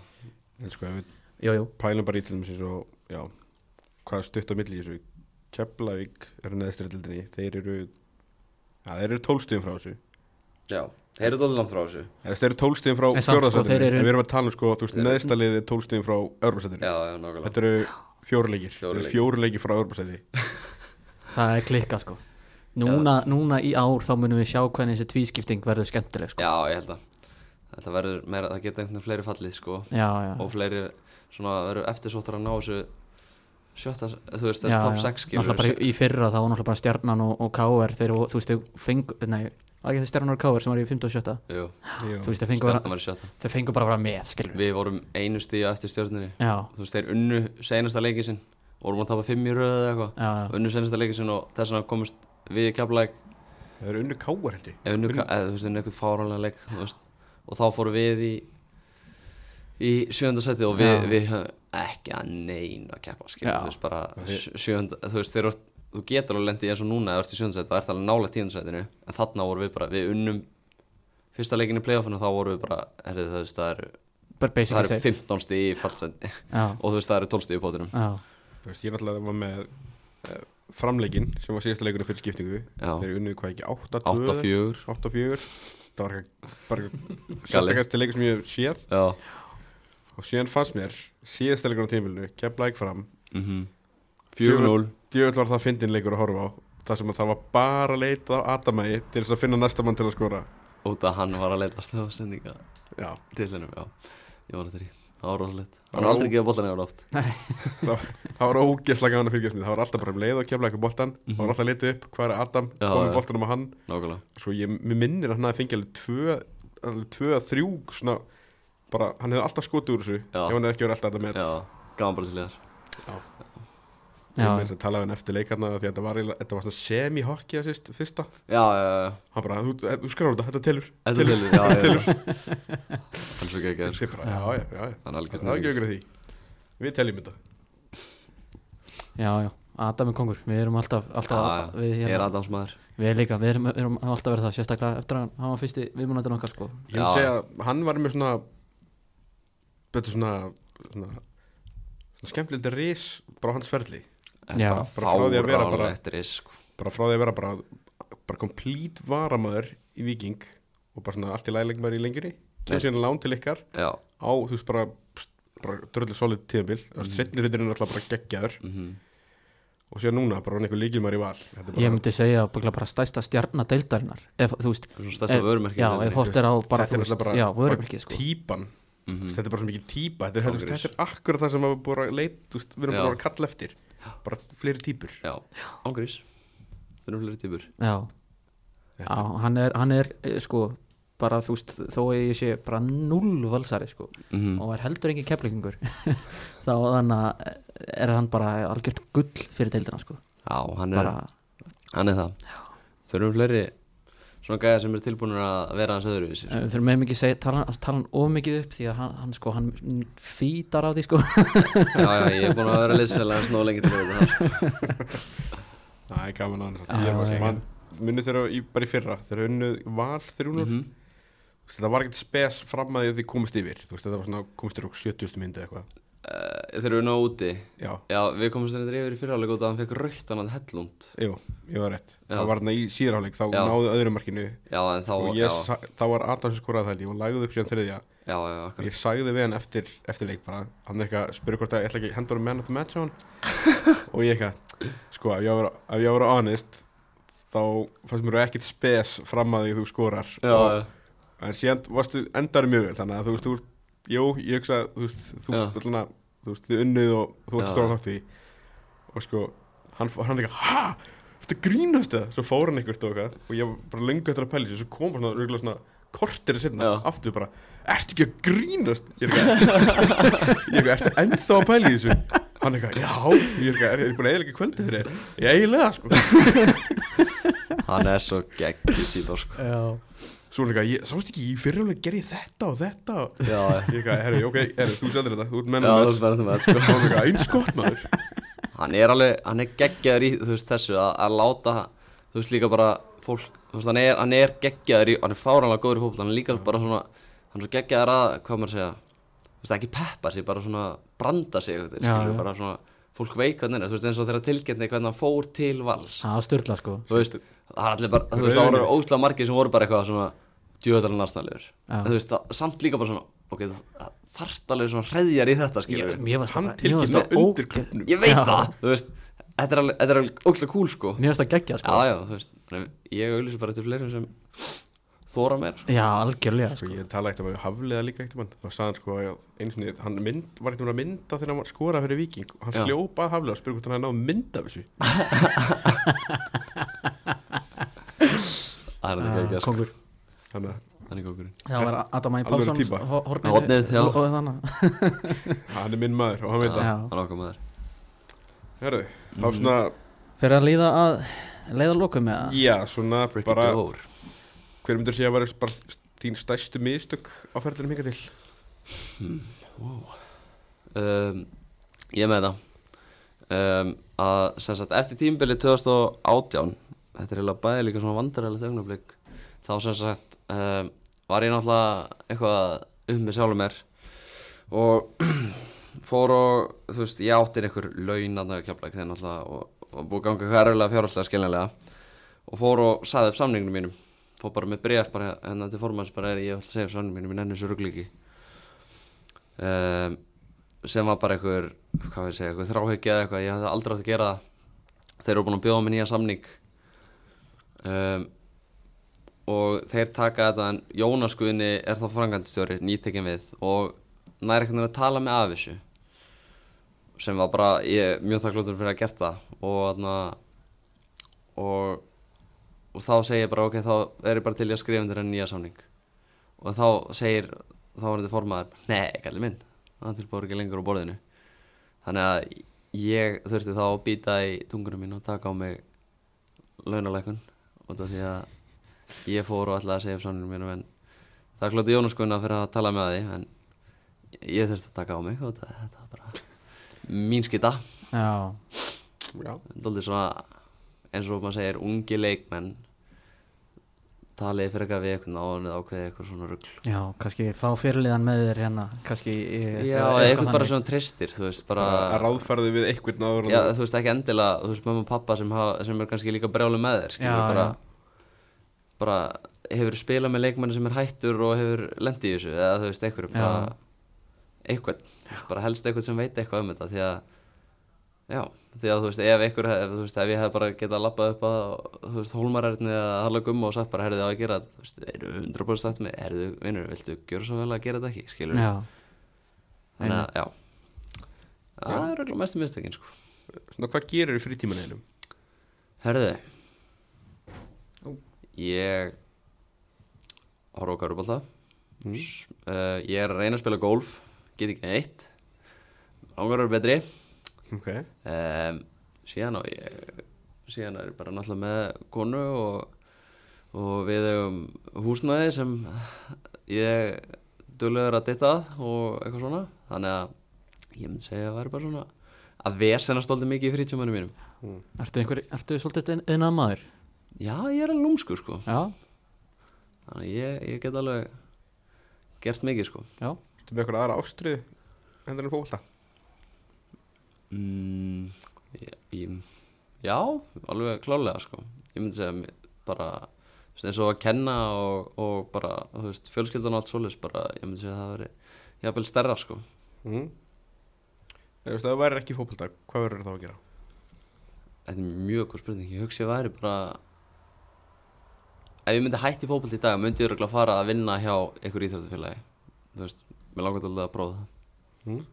við þá eitthvað ákveðið að mm, Bara dálítið svona Sko sem að væri eitthvað svo kýlur svona frangandastjóra íþróttastjórastarf innan félags Þú veist, bara koma mínum hugmyndum áleis Ég held svona íþróttastjóri Það er mjög spennt fyrir því. Getur þá séð það fyrir þér eftir félin Já, það. klárlega. Verður svona direktor á fútbolleikni? Já, þú veist ekki endilega svona yfirmaður knastmyndumála þú veist líka bara þú veist eins og svona þú veist eins og í, veit ég kjapla ekki til svona íþróttastjóra staða sem starfa með öllum deildum og svona hjálpar að, að þróa allt skilur þú veist, ég held að það líka jafnvel eitthvað svona frangandastjóra dæmi. Ákveður komið því að, að, að komið með sálfræði tengilegið annað inn Já. já það er að fyrsta sem ég myndi gera.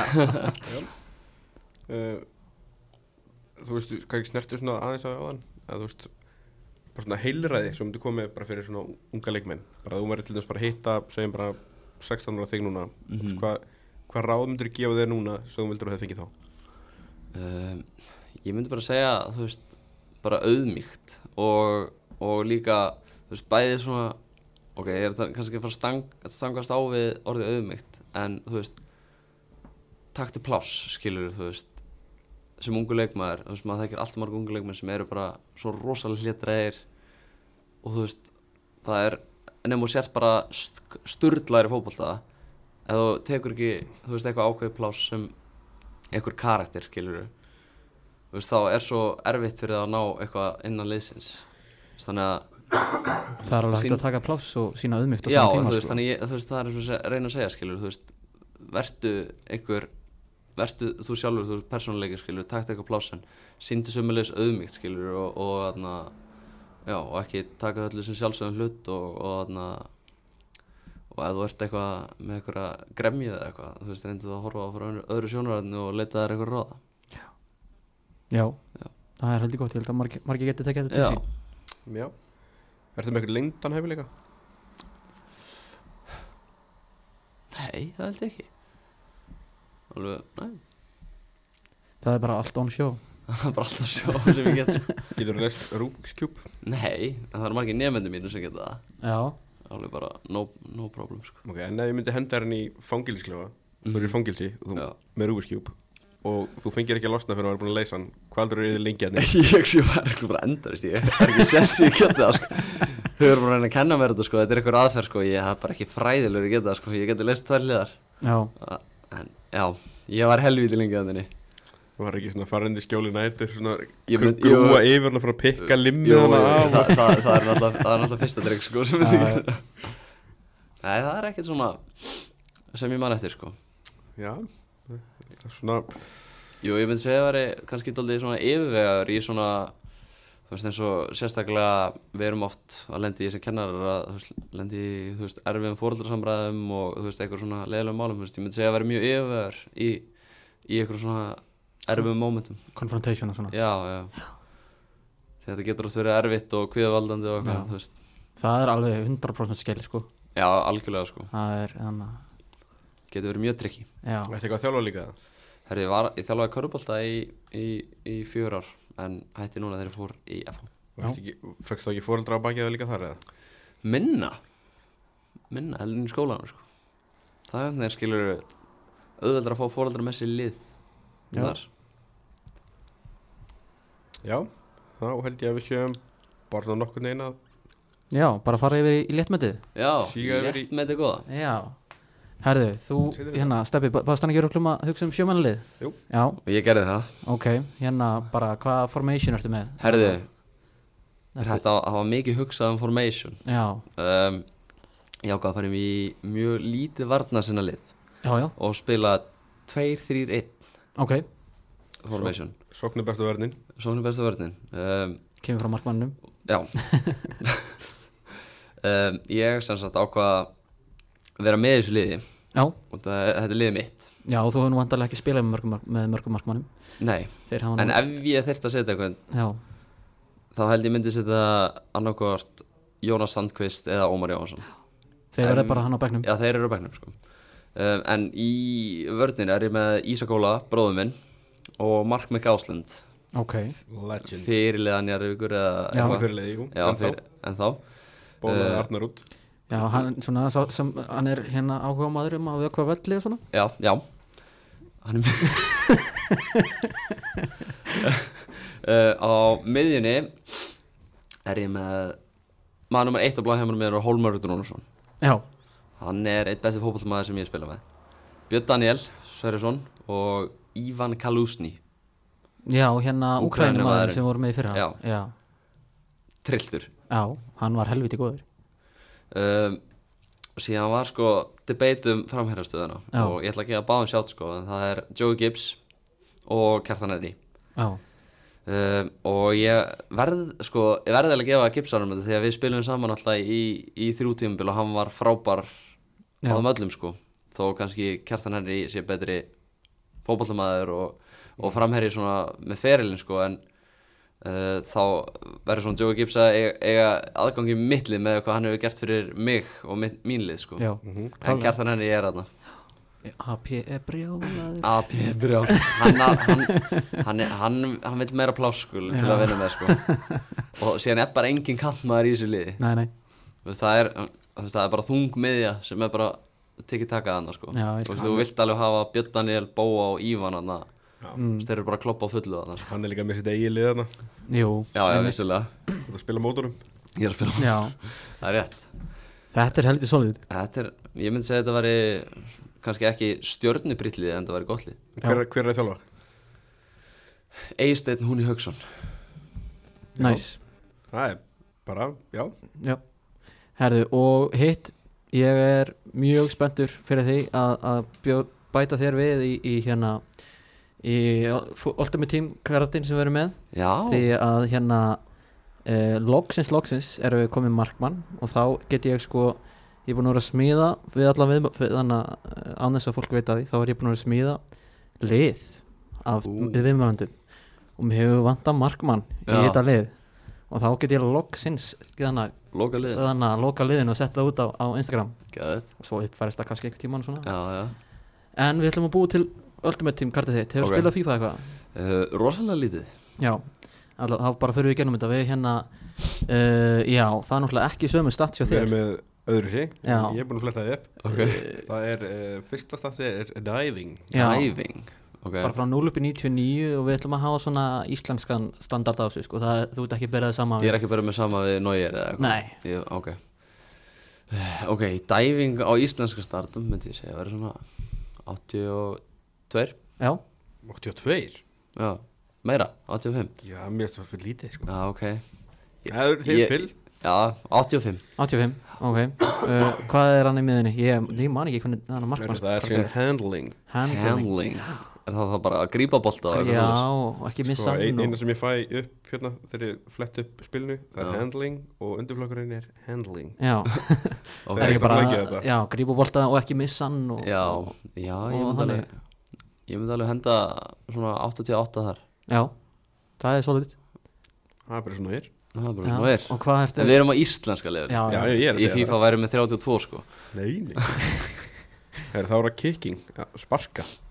Um, Já, þetta er ábygglega bæði hversu langt og, og líka hversu góður út senda og, já, og svona. já, akkurat. Já, á íslenska Þú veist, ég, ég sagði áðan ég var yfir meðalagi Þannig að það lítur líka að vera þá 85 já, 85 solid Það voru reflex. 90 já, það er svona Það er betur nú hér Ha, Það er betur það er nú hér betur en náði maður vil hafa gott reflex Já, ekki? já, rétt. já. Ánægð með það. Já. Síðan færði hann til speed. Þú færð það Ég fæði spítið líka. Já. Það færði acceleration og sprint speed Nennir samt að gefa mér, þú veist, hvað er nágir með spít Sko- Þú veist, er hann með 40 og Hann, eitthvað hann er með 56 ah, ok. Ef, já, Þannig ég, við erum að bera okkur saman við útilegumenn í spít já, ég held það ég held að, Ah, sko, ok. ég held að hérna uh, flesti markmenn í FIFA eru með svona undir 60 sko. Já, þá, þú veist Ég er ekkert ultra hægur en ég er ekki að stinga neina af, sko. Nei, Þannig að ég ætli Þú veist, ef ég meða við að Vúk sé 90 og eitthvað þá er ég örgulega svona 58 Já, Ef Vúk- 58, Já, bara ég held að það sé frekar svona já. Beleivable sko. Bara svo leitt. Ég er meða með Vúk sem er mjög snöggur sko. Og ég held að ég veit í síðasta. Er það fysikal? Það er positioning. Nei, shit, ég held að markmenn varum með fysikal Ha, fysikal á verðinni sko. Já, Positioning, já, ég myndi Staðsning. Já, með, ég fekk samt á með að hafa chippaði mig næstu frá miðjum í gerð sko já, En já, kannski ekki eitthvað mikið að gera því En þannig að, jú, ég myndi segja að positioning væri í kringum svona 87-8 já. Hvað, hvort er það að velja? 7-8 Bara 8, Já, 88 confident, confident í dag. Já, og Vel gert. hvað ætlar að fá í overall? Þú Overall. mátt bara ráða, þú þarf ekki að plussa þetta saman sko. Ok, mm, blablabla. og íslenska standa svona, Mér heyrðist þetta að vera svona 88 Já, mér heyrst það líka. Vel gert. Já uh, Helvíti solid, þá hérna kemur bæði sjömanliðið og allir með tímkartið þitt út á, út á Instagram. Hvað er það að setja myndi með eitthvað? Já, já, Já. ég ekki byggja þetta, ég skal sína á rétt hvernig ég með þetta sko. Ok, geðveikt. Þannig, að- Og svo kemur liðið. Eh, Þeir sem farið á bekkin þeim ég ekki móðgast af því að ég er með, við erum með fleiri en 11, leik- 11 viðmælendur svo far sko. Já, já, Ég ætla bara að gera þetta eftir highest rating og það sko. Já. En hérna Loka spurningin sem við spyrjum alltaf Ef þú ættir að skora á einhvern uh, á Íslandi til þess að koma uh, í þáttinn, hvernig myndir þú skora? Á?